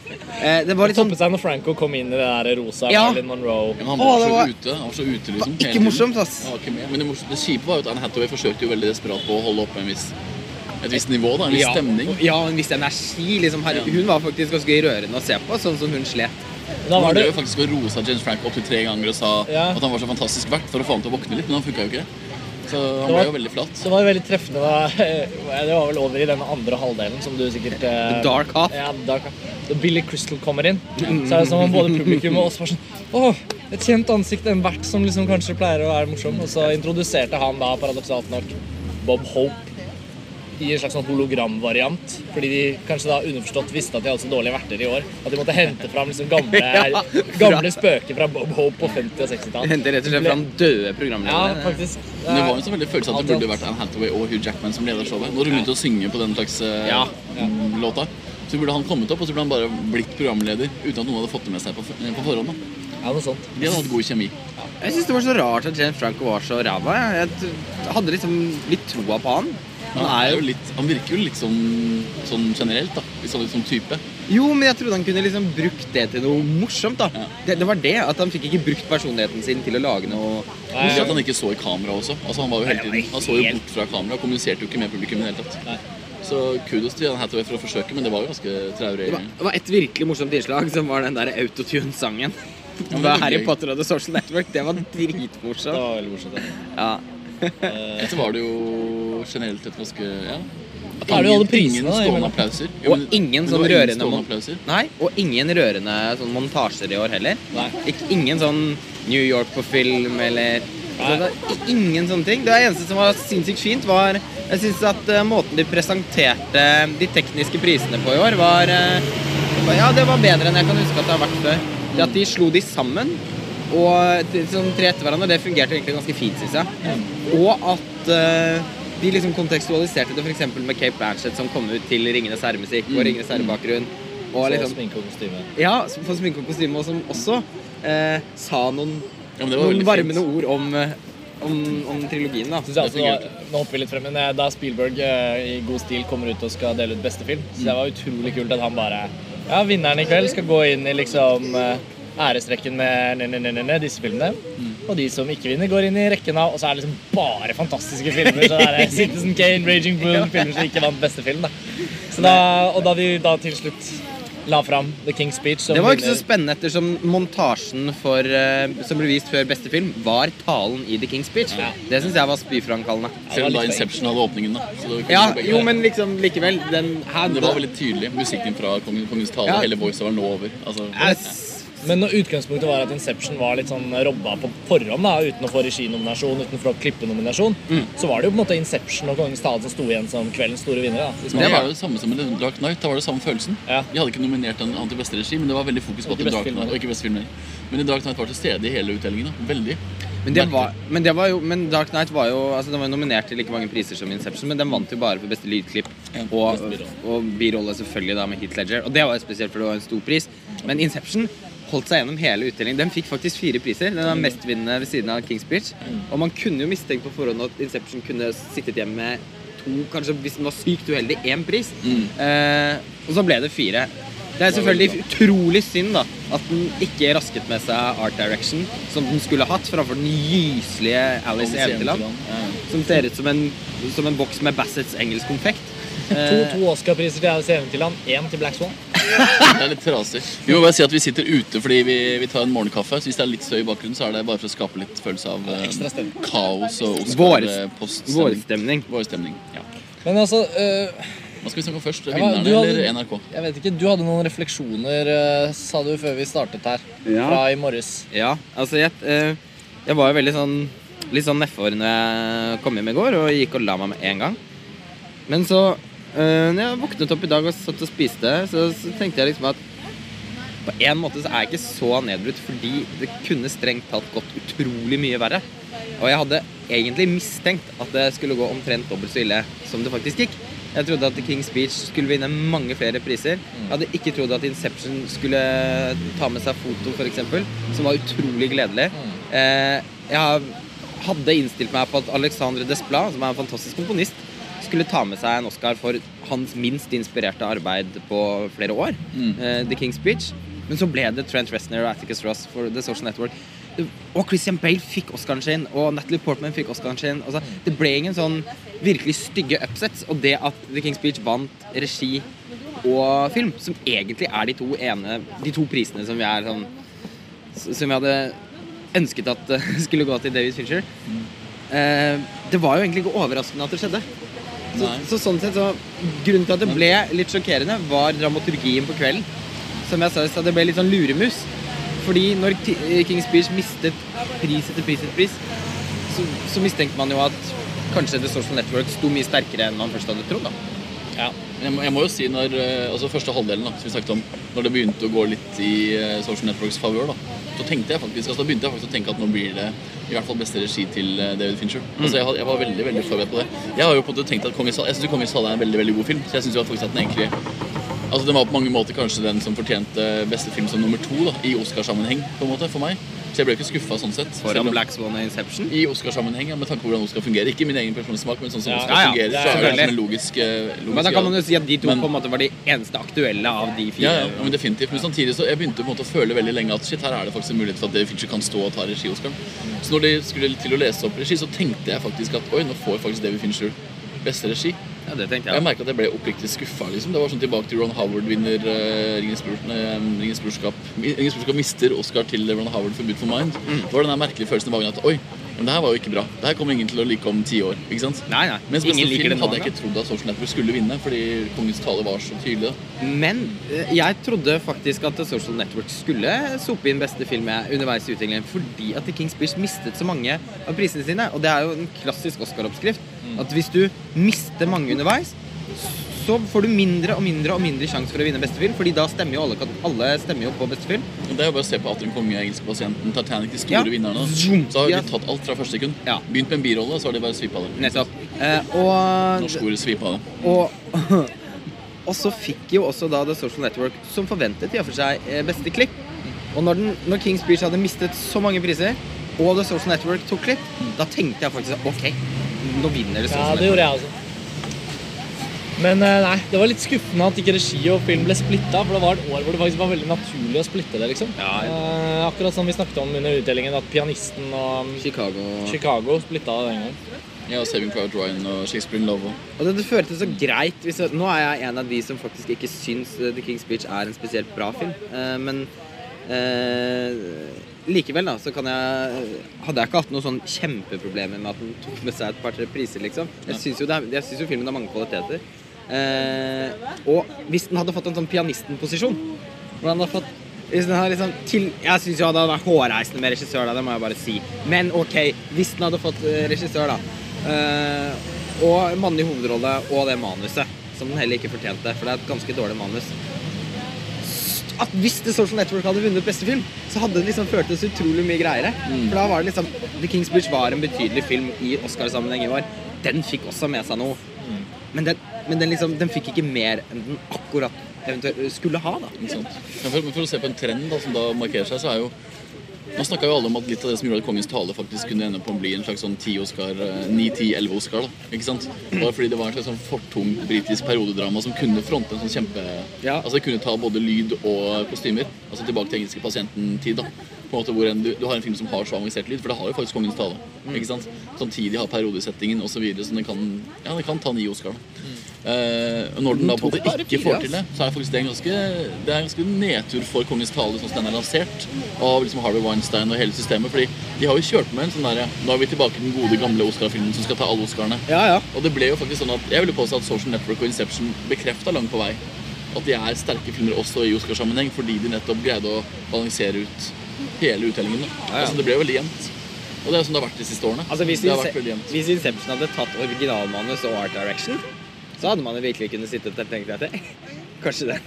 Ja, hatt en seriøs sjanse til å vinne beste film.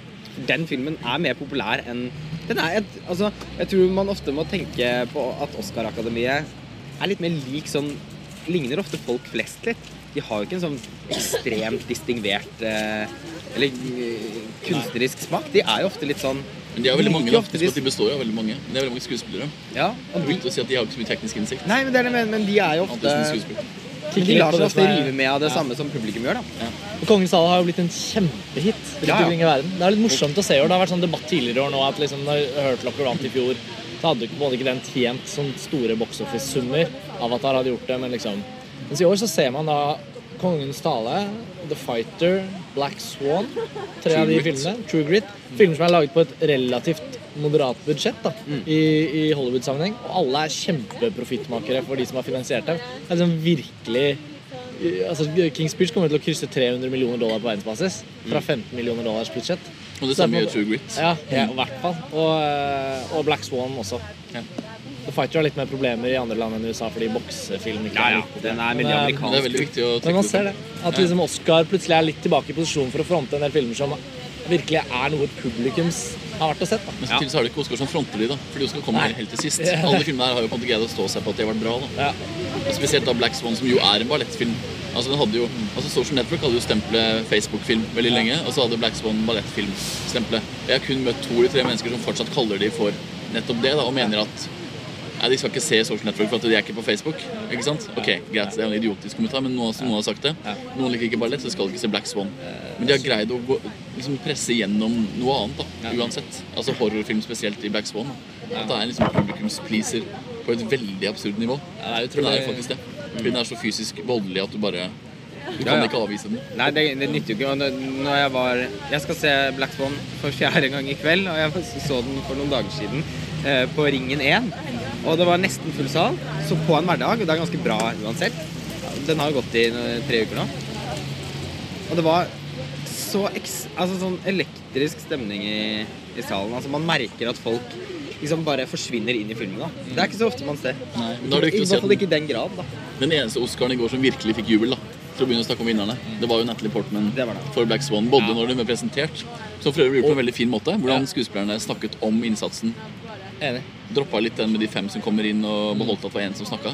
Ja, for det tok, fordi det som uh, tok litt fokuset vekk fra de som faktisk var nominert, det var jo når de, sånn som det var, har vært de to foregående årene, hvor det har kommet inn sånn Sofia Loren og sånn, så tenker man mer på Sofia Loren enn det hun faktisk sier om den som er nominert. Det var et fint grep. Ja. Nei, da Natalie Portman så var det jo så veldig stemning på Gimle, eh, der hvor vi satt. liksom. Det var jo en skikkelig sånn følelse av at folk digga at hun fikk den prisen. Reiste seg litt opp på. Eh, det var morsomt å se henne på scenen, syns jeg. Hun synes hun hadde en nydelig tale i den forstand at alle hun takket, virket det virkelig som at hun ønsket å takke. Det var så jævlig rørende at hun takket liksom Kameraoperatør. Ja, og Luc Besson for å ha gitt henne en sjanse i Leon. Det var, ja, har det har hun gjort hele tiden. yes! Det har hun gjort hele kampanjen. Hele, hele kampanjen ja, men det hele var bare så Ja, det synes jeg var så Det var ikke alle talene som var like fine som hennes. Hun har fått, en liksom, faktisk, hun har fått noen kommentarer på at takker hun Luc Besson som et slags sånn eh, kampanjetriks for å un- understreke at hun faktisk har vært i bransjen i så mange år. da. Hun var elleve år. For å minne på hun har takka han i alle talene sine. Ja, men samtidig så tror jeg ikke hun trenger å på, minne folk på Leon, for den tror jeg sitter så sterkt hos de aller fleste. Dårlig film, også. Nei, Jeg den, digger Leon. jeg. den digger jeg òg. Men det var den første prisen som, eh, første og siste prisen som fikk skikkelig ordentlig ordentlig applaus. Og både på Gimle og Kodak-teatret. Og hun holdt en bra tale. Hun så Absolutt. ganske så bra ut. Ja. Og jeg vet ikke, det var det som eneste skikkelig høydepunktet, seriøse ordentlige høydepunktet i løpet av hele kvelden, var jo egentlig det. Ja, jeg, og jeg, gøy med Christian Bale òg. det var gøy, og han Men holdt også en liksom bra ikke, Jo, men han er liksom så, han er liksom så morsom, da. Jo, men Han er så svart og morsom. og Ja, jeg men ikke. han endte jo faktisk opp med å, å få tårer i øya sine når han skulle Ja. takke kjæresten Ja. Og, da- og så sier han bare Oh, I never thought I would Og så blir han bare helt sånn Å, det var så sinnssykt fint, for det er jo Christian Bale, verdens tøffeste mann. Så det var utrolig, jeg syns det var utrolig bra at han vant. Ja. Eh, av, av liksom Det var mye som var fint med at ikke- The King's eh, Speech tok en sånn sweep. Men det er nok den prisen jeg hadde personlig vært mest lei meg for at den hadde dratt med seg. da Jeffrey Rush er kjempebra i The King's Speech, men jeg syns at Christian Bale gjør en sånn monumental innsats i The Fighter. Den, man kan mislike den eh, like sterkt som man liker den, tror jeg, men den er, den er i hvert fall Den er noe. Den er litt forstyrrende, den er litt problematisk. Det liker jeg. Den er, det er noe å tygge på.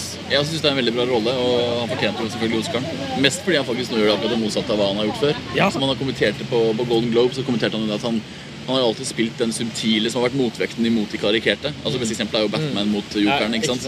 Han har liksom vært en slags sånn basis for å kunne utvikle biroller som er ekstravagante. Og i The Fighter så er det jo det motsatte. Jeg mener jo at øh, det, da er det utrolig kjipt, da, og jeg syns virkelig at det er skikkelig kjipt at Melissa Leo vinner for The Fighter.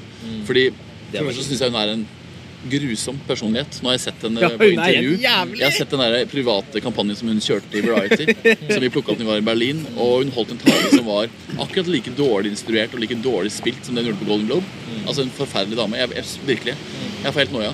Um, Men hun er så white en trash. Ja, syns men, jeg. ja, men det kan jo være litt kult. Ja, men, Men ikke liksom på den kule da. måten. Det er litt Så- den derre øh. Jeg tenker bare at eh, Hvis de måtte skulle hatt litt balanse, så burde da Amy Adams fått Oscaren for The Fighter, fordi hun er den subtile motvekten igjen da, imot alle disse karikerte søstrene og moren som er i The Fighter. Altså Det er jo et arsenal av typer i Ja. The Fighter. Og det er to som holder i at filmen faktisk holder seg emosjonell da, for meg, og det er Mark Wahlberg, som gjør en kjempeinnsats, Ja. og Amy Adams, som, som den eneste dama som virker litt rasjonell og litt ordentlig, og som ikke ser ut som en sånn skikkelig altså, virkelig, Takras. Takras. Ja, men det er Det fortjener en oppmerksomhet, da. helt, eh, jeg er helt enig. Jeg syns jo Amy Adams eh, gjorde årets suverent beste eh, kvinnelige birolle. Eller sesongen, da. Hvor går året? Det er jo litt fra i fjor og litt fra i år. Men altså, den, altså sesongens suverent beste kvinnelige birolle. Altså, jeg syns at hun var Ved siden av Christian Bale syns jeg hun var det aller, aller beste med The Fighter. Og hun har vært Hun begynner jo å bli en liten veteran. Det var vel tredje gangen hun er nominert nå? Okay. Ja, var det? Nei, Doubt. Ja. Junebug. Og Junebug er tredje. Er tredje? Tredje, ja. Ja. Ja, er Men likevel, sånn altså, hun, ja, men hun begynner å bli en liten sånn halvveteran. Hun er jo Det er sin, sin generasjons store ja. Hun har Veldig litt sånn Hun er nesten litt sånn Hun har et eller annet til felles med Michelle Williams, ikke i utseende og hvordan de er, men litt sånn, jeg tror de litt, ligger i samme generasjon. De er også velvalgt mye gode roller på rad, liksom. Og Michelle Williams hadde sin andre nominasjon i går. Første for Brokeback Mountain og denne for Blue Valentine, som også var veldig fortjent nominasjon. Uh, og vi fikk jo sett Rabbit Hole før eh, Oscar-utdelingen i går, apropos gode skuespillerprestasjoner. Nicole Kidman var jo nominert. Beste kvinnelige hovedrolle. Veldig fortjent nominasjon. Ikke noe overraskende at hun ikke vant Jo, men det er det kjipe. Jo, men det er det som er det kjipe der, liksom. Fordi nå har de gitt Nå ga de Oscar til tre karikerte skuespillere. Fordi Ja. Natalie Portman det er også en veldig karikert rolle. Mm, Altså, I en film som er Black Swan er en veldig Karikert. film. Ja, ja. Hun spiller en karikatur av et eller annet, og det funker kjempebra fordi. Natalie Portman får til det subtile også. Men altså, Melissa Lee og Christian Bale, Natalie Portman, det er tre sånne klassiske Litt sånn typiske Oscar-roller. da Hadde, Ja. hadde han der Jeffrey Rush spilt sin rolle mye mer karikert, så hadde han faktisk vært mye mer seriøs utfordrer for Christian Bale. Det at han velger å gjøre den rollen i King's Speech litt subtil, da Ja. for det er jo faktisk litt subtilitet i den, Ja. gjør at han blir en mindre Oscar-kandidat. Se på Shine, da, som han vant Oscar for. Han spiller en klovn. Se på Roberto Benigni liksom i La Vita Bella. Det er jo bare. Jo, men det er sånne grusomheter, da, som jeg virkelig misliker. Men så kommer da Nicole Kidman i Roberto Rabbit Hole. Og de skal alltid vise det Det er så klippet. fælt. Når han De bykser over litt. å snakke engelsk. Altså, det er jo opp, nei. Åh, den Men, det er så, men, da, men da i, i, i kontrast til Rabbit Hole, da, eh, med Nicole Kidman, hvor hun spiller en rolle som er så utrolig nyansert. da. Den er så utrolig på så lavt nivå, lavt register, liksom, at Ja. du nesten må helt du må sitte og plukke opp hele ting. da. Ja. Og det handler bare om mimikk. Og det, jeg syns det er mye mer interessant enn å se eh, de fleste rollene som vinner, for at de er ofte så overkarikerte. Men man må ikke glemme at prisen for beste skuespiller også gjerne er for beste karakter. Ja. Altså det, det er nesten like er mye en manuspris eh, som, eh, eh, som en skuespillerpris. Ja. Eh, det er det viktig å huske på, fordi skuespillerprestasjonen i seg selv blir det, altså, det er nesten Du må også ha en veldig tilfredsstillende karakter for at det skal vinne. Og der eh, innfrir jo på en måte Natalie Portman sin Nina Ja. i mye større grad. Og, og Colin Firth, eh, Colin- tross alt. Men det var veldig morsomt eh, når de viste de, de klippene for når, når de presenterte de nominerte for beste mannlige skuespiller. Ja. Og viste først klippet med Jesse Eisenberg, Fra Social Network. og så eh, Colin Firth etterpå. Ja. Jeg må faktisk si at jeg syns det er en klasseforskjell.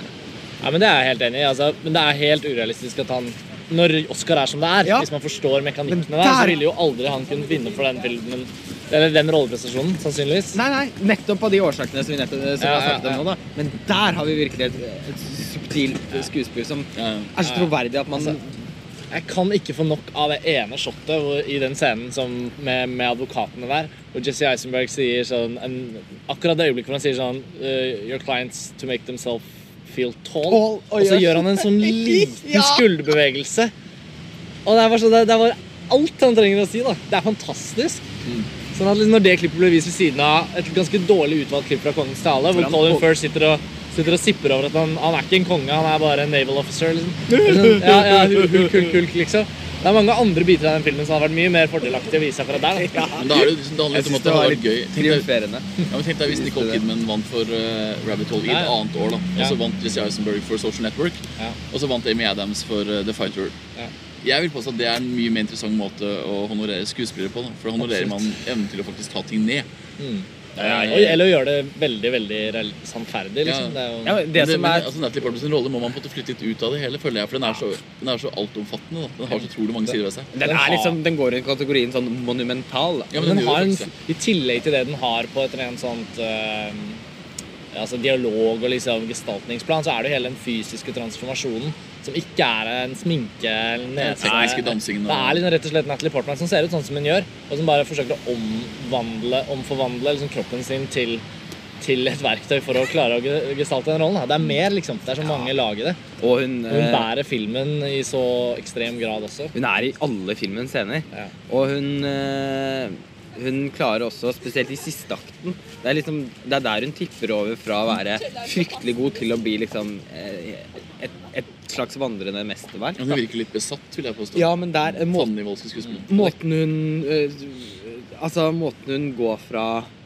å være helt sånn sart da, i det ene sekundet til å snu på halsen sin og bli, og bli den hvesende svanen Demon, to sekunder etterpå. En demon, ja. Det er imponerende. Og fram og tilbake. Måten hun liksom trakterer den, Og den scenen hvor hun kommer hjem eh, fra diskoteket på natta. Så, Ja. så sånn Det er jo det klippet de nesten skulle vist. Ja.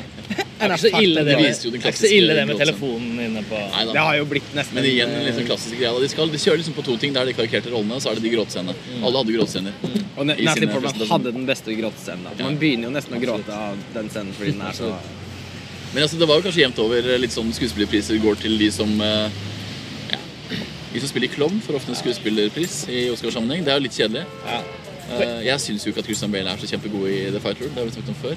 Jeg syns ikke Melissa Leo er god i det hele tatt. i den filmen. Jeg synes den er ganske fæl. Ja, hun syns ikke jeg er så imponerende heller. Men vi var jo fornøyd, for at altså, Oscar er og blir en karrierepris, og Christian Bale får en Oscar. Det er jo ingenting som er bedre enn det. Så, Nei. det Nei, det er fortjent. Patrick Bateman.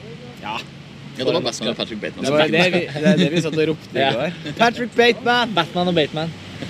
Ja, det var gøy. Men det var ikke noen store overraskelser når, når, når, nå, så når vi sitter og snakker om det nå. Så, særlig når vi har sett noen Oscar-utdelinger opp igjennom, og vi har liksom, man skjønner hva gamet handler om, så er det nesten litt sånn dessverre ganske forutsigbart. Altså, De skuespillerne som er storfavoritter, de vinner.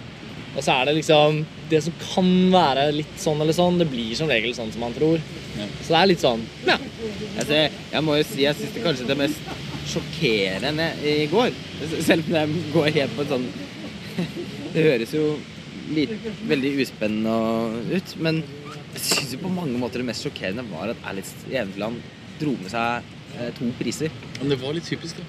Jo, men sam Eventyrfilmen, liksom. Det, jo, men samtidig! De hadde jo Harry Potter som var Ja, en i film. Men med men Harry. Potter er jo ikke anerkjent i det miljøet der. Harry Potter har ikke fått noen betydningsfulle lyd-Oscar. Nei. Oscar eh, Jeg tenker at De ikke fikk De har aldri fått en lydnominasjon. Nei, nei, nei. Hva handler det om? Nei, det handler nok litt om hvem som gjør effekten av arbeidet på Harry Potter, tenker jeg. Det er jo for oss, altså, mye britiske selskaper som ikke har så mye tilknytning til det er jo helt sykt bra lyddesign ja.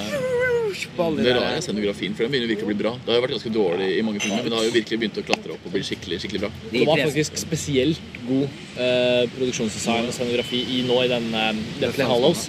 Eh, og, og når den prisen går til Alice i Eventyrland, en film Nå har riktignok ikke jeg sett den, men jeg har forstått såpass mye om den filmen at det som er å snakke om av produksjonsdesign der, er også veldig mye snakk om spesialeffekter og, eller visuelle effekter, og at ting glir inn i hverandre. Og, og det skal jo jo faktisk tegnet, ja, men de er jo tegnet av en uh, ja, ja, absolutt, men jeg bare tenker sånn Det er noe med også liksom hvordan det fungerer inn mot selve fortellingen. da. Av og til så virker det som om liksom noen av de prisene som er sånn som er på en måte visuelle disipliner, men som inneholder noe annet enn hva visuelle effekter er, eller hva foto er. men som er noe annet. Ja, Det kan nesten virke som om akademiet, som selv er ekspertene, ikke helt kanskje Ja, for det- forstår vurder, hva, hvordan skal de vurderes, på en måte. Det er det jeg tenker, og Hvis de først har trangen til å gi den prisen til en eventyrfilm, da, da kunne de jo, altså Inception kan også regnes som en slags eventyr. Ja, det så det, og jeg det er veldig merkelig også at de, ettersom den filmen er så populær, og den tok med seg så mye ellers, så syns jeg det er veldig forvirrende at den ikke tok den prisen. Men Stuart Craig sitt arbeid i Harry Potter, da, det er så stofflig. Altså, du, kan liksom, du kan kjenne at det er materiale der. Det føles ut som noen har stått og bygd det. da. Så er det stor dynamikk i hva den filmen skal gjennom. Jeg bare tenker sånn, sånn Den kafeen i London som de går inn i, som utvikler seg til en slags sånn skytescene med disse tryllestavene, til liksom hvordan han har liksom brukt skogslandskap og locations, til da disse stedene. ikke sant, Den her landsbyen Ja. eh, hvor eh, Harry Potters foreldre ligger begravet. Eh, jeg vet ikke, Det er så mange dimensjoner av det, og det var et Ja. nytt steg i Harry Potter-universet. Og det var ut av denne skolen og Nei, jeg synes Den gjorde veldig inntrykk faktisk akkurat for, innenfor det fagfeltet. Så det var synd at ikke den fikk den prisen. Ja, det synes jeg synes Stuart Craig har Samtidig han, Og han har jo blitt nominert flere ganger for, flere ganger for den serien. da. Og, og jeg syns det er rart at han liksom aldri, aldri får prisen, for det er så suverent arbeid. da. Men jeg tror Jeg tror også kanskje beste produksjonsdesign til Alice i Eventland handla mest om hvem som fikk den. Robert Stromberg, som gjorde Avatar også. Fordi det som Alice i lykkes med da Jeg hata jo filmen, og det kan man lese på montasje. Jeg har fått masse kommentarer på at jeg hata den for mye, men jeg hata Alice i som Tim Burton-fan. Eh, grusom film, og jeg har sett den tre ganger nå, bare for å understreke det. Eh, ufrivillig. Men eh, jo. Det Nei, er, det, er, det, er tredje, det er tredje universet da, som Robert Stromberg starta med i Avatar. på en måte. Det er altså greia å bruke 3D-formatet. Jeg mener at de mislykkes med det, men de fleste mener at de lykkes. Å ta det fullt ut og ta filmen på det nivået som da Alice Eventland etter manges, mener, manges mening lykkes med, da, ligger jo i en mann som faktisk teknisk jobber med 3D-formatet visuelt. Det er det han gjør både i Avatar og Alice i Eventland. Og det at de fortsetter å gi ham prisen, handler om at Hollywood ønsker å fortsette å rendyrke den type film. da. Det er en slags bekreftelse på hans posisjon, hans nye rolle da, som en sånn slags trollmann i Hollywood-systemet. Han var i Oslo og snakka på seminar i fjor, og snakka litt om det her, sin rolle. ikke sant? Og han, eh, jeg tror det handler veldig mye om politikk, da.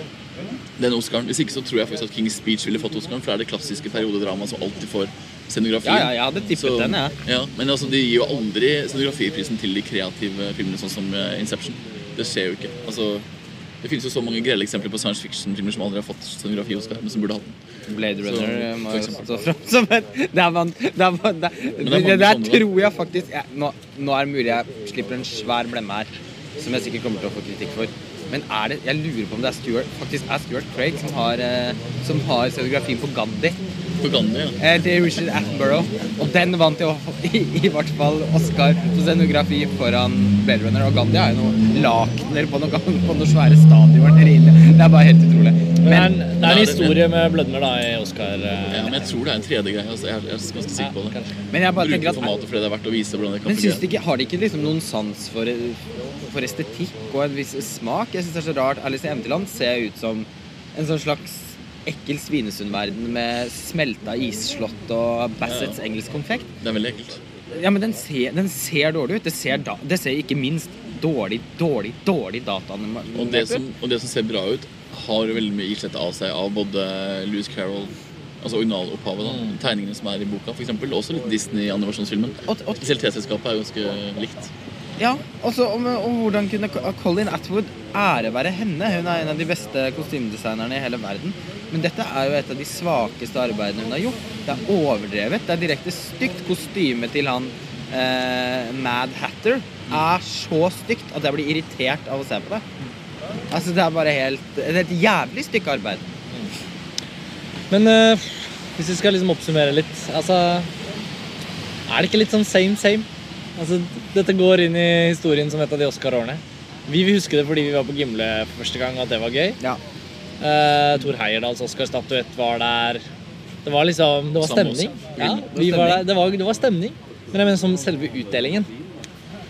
Ja, faktisk. Jeg syns også, i hvert fall i kombinasjon med det svake showet, Ja. så syns jeg det var eh, ekstra svakt eh, i år. Ja. Det, men morsom første halvdel, Ja. for da skjedde det noen spennende ting, og man fikk litt sånn håp. Mm. Men man skal være klok av skade. Oscar eh, går som regel den kjipe veien. Og det man kan trøste seg med, er jo å klikke seg inn på Wikipedia og se på eh, listen over eh, Oscar-vinnende filmer. Den er veldig morsom, fordi det er utrolig få gode filmer hvis man egentlig Hvis man ser etter. Og King's Beach kommer til å føye seg pent ved siden av Beautiful Mind, Driving Miss Daisy, Danse med ulver, Chariots of Fire og lignende helt OK filmer. Ja. Mens Inception, Black Spawn og, og The Social Network eh, er, ikke bare tre av årets beste filmer, men tre av tiårets beste filmer. Altså, det, det, er, det er øyeblikk Altså, de er allerede klassikere. Mm. De har så mye mer eh, De har så mye mer framtid enn det Kongens tale har, så kanskje skal man unne den litt sånn halvkvisete Tom Hooper det ene øyeblikket av storhet der oppe. De andre kommer var- til å ta revansj. Colin Firth spø spøkte med det i, talen sin at uh, I think my career, just peaked. ja. Jeg er redd kanskje den sannheten blir mer, eh, mer treffende for Tom Hoopers del. jeg tror han får en kjempekarriere nå. Tom Hooper, ja. Ja, for jeg syns jo tale er en veldig, veldig bra film. Er litt å tøyse mye med og, den, og, og er og jeg må bare Jeg- understreke på tampen her at uh, hadde ikke vi hatt et social network, så hadde jeg også ønska Kongens hale' som Oscar-vinner. For jeg syns det er en fortjent vinner. Og han gjør en kjempejobb på regisida. Uh, han, er, han, er, han kommer i et år hvor det er så tydelig regiverk fra veldig mange andre som har fortjent Oscar i flere år. Men jeg syns det er en, regi, en regijobb i den filmen som virkelig fortjener en oppmerksomhet. Altså. Så jeg tror han kommer nå, men 20-30 år framover så kommer det masse filmer som kommer til å heve han opp. Nå ser han veldig spesiell ut. Han har ingen sjarm, han har ingen tilstedeværelse. Han kan ikke snakke for seg engang. Han står og rødmer, liksom. Han bruker sånne vitser som Colin Firth brukte på den første prisen han fikk. på en måte.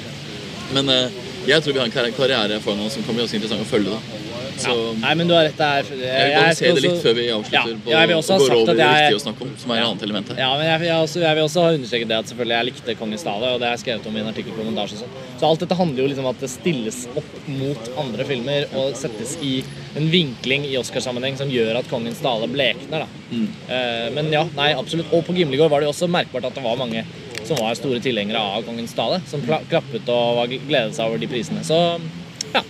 Og den fikk jo ikke mer enn fire priser, så man kan jo Altså, man skal ikke helt uh, eh, Uansett ikke tenke at det, at det var en katastrofe, på en måte. Den kunne, den kunne ha sveipet med seg 10-11 priser, liksom. Det det alle, alle får litt Oscar-utdelingen som det har vært de siste Ja. eh, årene. De har jo- er litt kjedelig. Den er litt kjedelig, men samtidig også Altså, det, jeg, jo, jeg pleier å være litt glad da når de, når de, når de klarer å fordele prisene litt. Jeg syns det er kjedelig når det er sånne sweep-år. Eneste gangen det har vært morsomt, var 'Return of the King'. Ja. Da var det jo ekstremt fortjent. Da var det jo tre filmer som fikk prisene. Men det er en siste ting som vi må snakke om som er litt uh, viktig for oss å formidle. Fordi vi setter jo veldig stor pris på at NRK har plukket opp igjen uh, Oscarshowet og sender Oscarshow og sender hele showet. Og i sender det direkte. Og, ja, og som helt tatt er en veldig bra, bra greie. Men eh, det er viktig å formidle til NRK hvorfor folk ser på Oscarshowet. Fordi når folk ser på Oscarshowet, så handler det om tre ting. Det handler om for det første at de bare vil ha show. Nå får vi en veldig passende ambulans i bakgrunnen som understreker eh, viktigheten av dette. Vi kan vente ut den ambulansen, kanskje. Det første, det første er at man ser på Oscar for å bare se på et show. Altså For å se på underholdning og alt det som er, er der. Men det andre er faktisk at man er interessert. Man er genuint interessert i å se på Oscar fordi man syns det er litt eh, fascinerende. Og det tredje er at de som da sitter oppe en hel natt og ser på Oscar, de har en viss kunnskap om det de holder på med. De har sett det før, sannsynligvis. De har kanskje lest ganske mye om det i forkant, og de har en, de har ganske stor interesse for det. Og da fortjener disse menneskene å bli eh, tatt imot av litt ordentlige eh, kommentarer av en ordentlig sending. Og NRK sin sending i går var rett og slett noe av det mest skandaløse og respektløse jeg har sett. Altså, NRK har nå en veldig tydelig filmsatsing som har kommet etter at Hege Duckert ble kulturredaktør i NRK. Men eh, dere må begynne å forstå hva film handler om. Dere må begynne å forstå hva spesielt sånne enkeltting handler om, sånn som Oscar. Og i går så toppa det seg veldig. Um, så vi har, vi har lyst til å snakke litt om det Ja. på tampen. ja. Magnus Rønningen og Anne Hoff. Vi, vi liker Anne Hoff veldig godt, men akkurat nå så syns vi ganske synd på Anne Hoff som blir satt i en sånn sammenheng. Så jeg har lyst til å flytte Anne Hoff ut av samtalen og si at vi setter veldig pris på Anne Hoff.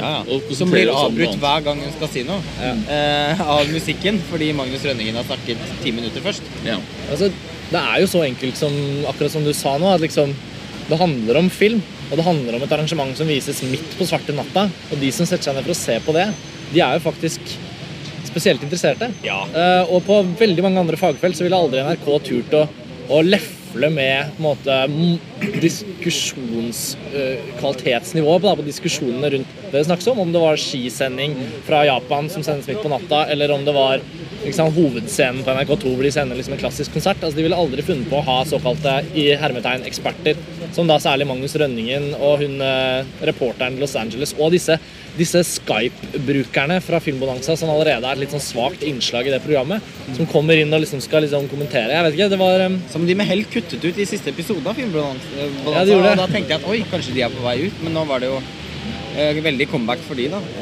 Det, det er det er- det er liksom på samme måte som du sier hvis det skulle vært en eller annen en eller annen curlingmatch, liksom, eller en, et viktig skirenn som ble sendt midt på natta. Som var de som var virkelig interessert, som satt oppe og så på. Og så de leide inn Jan Thomas som kommentator. Ja, nettopp. Det er litt det Ja. samme. For oss bare Se på rumpa til han curlingspilleren. Ja, jeg liker når han står bøyd over curlinggreier. Sånn, Altså- det funker ikke sånn. da. Men det er veldig, veldig, veldig viktig å si at vi, det er det overordna som er problemet her. Det handler ikke om, eh, Nei. ikke om Magnus Rønningen eller ikke. Anne Hoff eller, eller Vegard Larsen. Det er det overordna her. Det handler om å ta ting på alvor. Og NRK forsøker å si at de tar film på alvor, men det begynner å smake veldig veldig bittert av det. Ja. Så nå må dere skjerpe dere, rett og slett. Eh, når den ene programlederen ikke engang greier å uttale navnet på Darren Aronofsky og avfeier det som han med det vanskelige navnet, så faller alle av i en sal av entusiaster. Og I går så satt vi sammen med mange mennesker. Vi satt sikkert sammen med den harde eliten i Oslos eh, Oscar-interessefelt, og folk lo av hele, hele sendingen. Og Det var ikke en latter som var sånn ha-ha, dette er liksom hyggelig. Det var litt sånn ekkel latter som var litt sånn det her er litt flaut, og det er litt trist. Ja, nei, det var jo det var jo virkelig, det la jo en veldig demper òg, fordi muligheten til de små pausene i Oscarshowet er jo til å heve det opp og kontekstualisere det. Og på SVT i de Oscarsendingene på særlig 90-tallet og tidlig på 00-tallet, som mange av oss har sett på, så har det jo vært har jo ikke vært sånn gravalvorlige ekspertfolk. Det er jo folk med humor. Det går jo fint an å ha kunnskap om et felt og samtidig snakke om det på en ledig og underholdende måte. Ja. Eh, mange eksperter er jo selv på en måte nerder og liksom er veldig inne i feltet selv. Da. Men Magnus Rønningen ja, Unnskyld, det blir et eksempel, men det var jo fra i går. da, og han når valget er tatt ovenfra med å hente inn han, som ikke har filmfaglig ekspertise overhodet, men hvis eneste ekspertise relatert til Oscar-utdelingen nå er det at han har vært partyfikser i Los Angeles, da blir det å redusere det hele ned. da. Og da er det nesten sånn at på et radikalt plan så skulle jeg nesten heller sett at de ikke sendte det, enn at de gjorde det på en så dårlig måte. da. Ja, det tenker jeg også. Jeg syns det har vært mye mer mye greiere med, med NRK sånn pausesymbol Ja. innimellom. Ja, men det, og, og, som, Ja. Eller bare Anne de sendte Hoff, da. showet, men at det rett og slett bare ikke var noe. Eller sendte Ja, reklamene. Eller bare, eller bare Anne Hoff, da, rett og slett. Ja. Og hun og Vegard Larsen da kunne jo sittet der og hatt en fin dialog. Og da tror jeg Vegard Larsen ville også hatt han vil, han, han vil sannsynligvis si litt hva han mener. Sakte, Ja. men sikkert så kom det fram at Social Network var hans store favoritt. Ja. Men han hadde jo liksom ingen egen mening for langt ute i sendingen. Ja, det er altså så synd. Kjempesynd. Og igjen, se, se på Filmkrønikaen. da. Programlederne der, Orva Sæfstrøm, Fredrik Salin, de har jo selv sittet og selvfølgelig hatt Når de sitter og skal snakke om Oscarshowet, så har de jo selv kjempesterke meninger. Og de har fått med seg noen oppegående folk som de sitter og snakker med. Og ja, de har også med seg en moteekspert, men en moteekspert som da i de fleste tilfellene også kan mye om film, da. Det kunne selvfølgelig Kjell Nordstrøm, eh, som, kom og kommenterte, men han var jo der bare i ett innslag. Ja. det var, jo det, var, det var faktisk en veldig god idé å Det var en trekke inn en sånn person. Men Ja. la også han slippe litt mer løs. Han Det- kunne vært der lenger. Skulle sitte der under hele ja, ja. Sånn som på Sverige, så satt alltid moteksperten der gjennom hele Ja. showet. Absolutt. Og så- Men, eh, men for eksempel, hvorfor ikke la altså det, er, det er så mange ting her i NRK. Eh, NRK, Hvis dere har noe interesse av det hele tatt, så jeg er ikke sikkert dere hører på oss Vi stiler Men, dette eh, til. vi, jo, men nå nå, hører nå har dere hørt oss snakke om Oscar i eh, litt, eh, ja, kanskje en halvtime eller sånn, i forkant. Sånn som vi snakket om Oscar da, sånn snakker folk som er interessert i Oscar om. Rett og slett. Hent oss inn, bruk oss i programmet deres, eller hent folk som satt i salen sammen med oss i går. Det var masse mennesker som satt der, som hadde mye mer kompetente altså til og med erfaringsgrunnlag for å snakke om Oscar enn det Magnus Rønningen har. Og la oss sitte og snakke på den måten vi gjør nå. Ha det i dialog og være engasjerte og entusiastiske. Og ikke avspise oss med sånne fem minutters Morgan Freeman-taler fra, fra en person som ikke har verken interesse eller kunnskap om Oscar. Det er respektløst. Og det, Vi bør ikke si så mye mer om det, men uh, dere hadde ikke sendt nattopptak om, fra curling-VM med Jan Thomas. Punktum.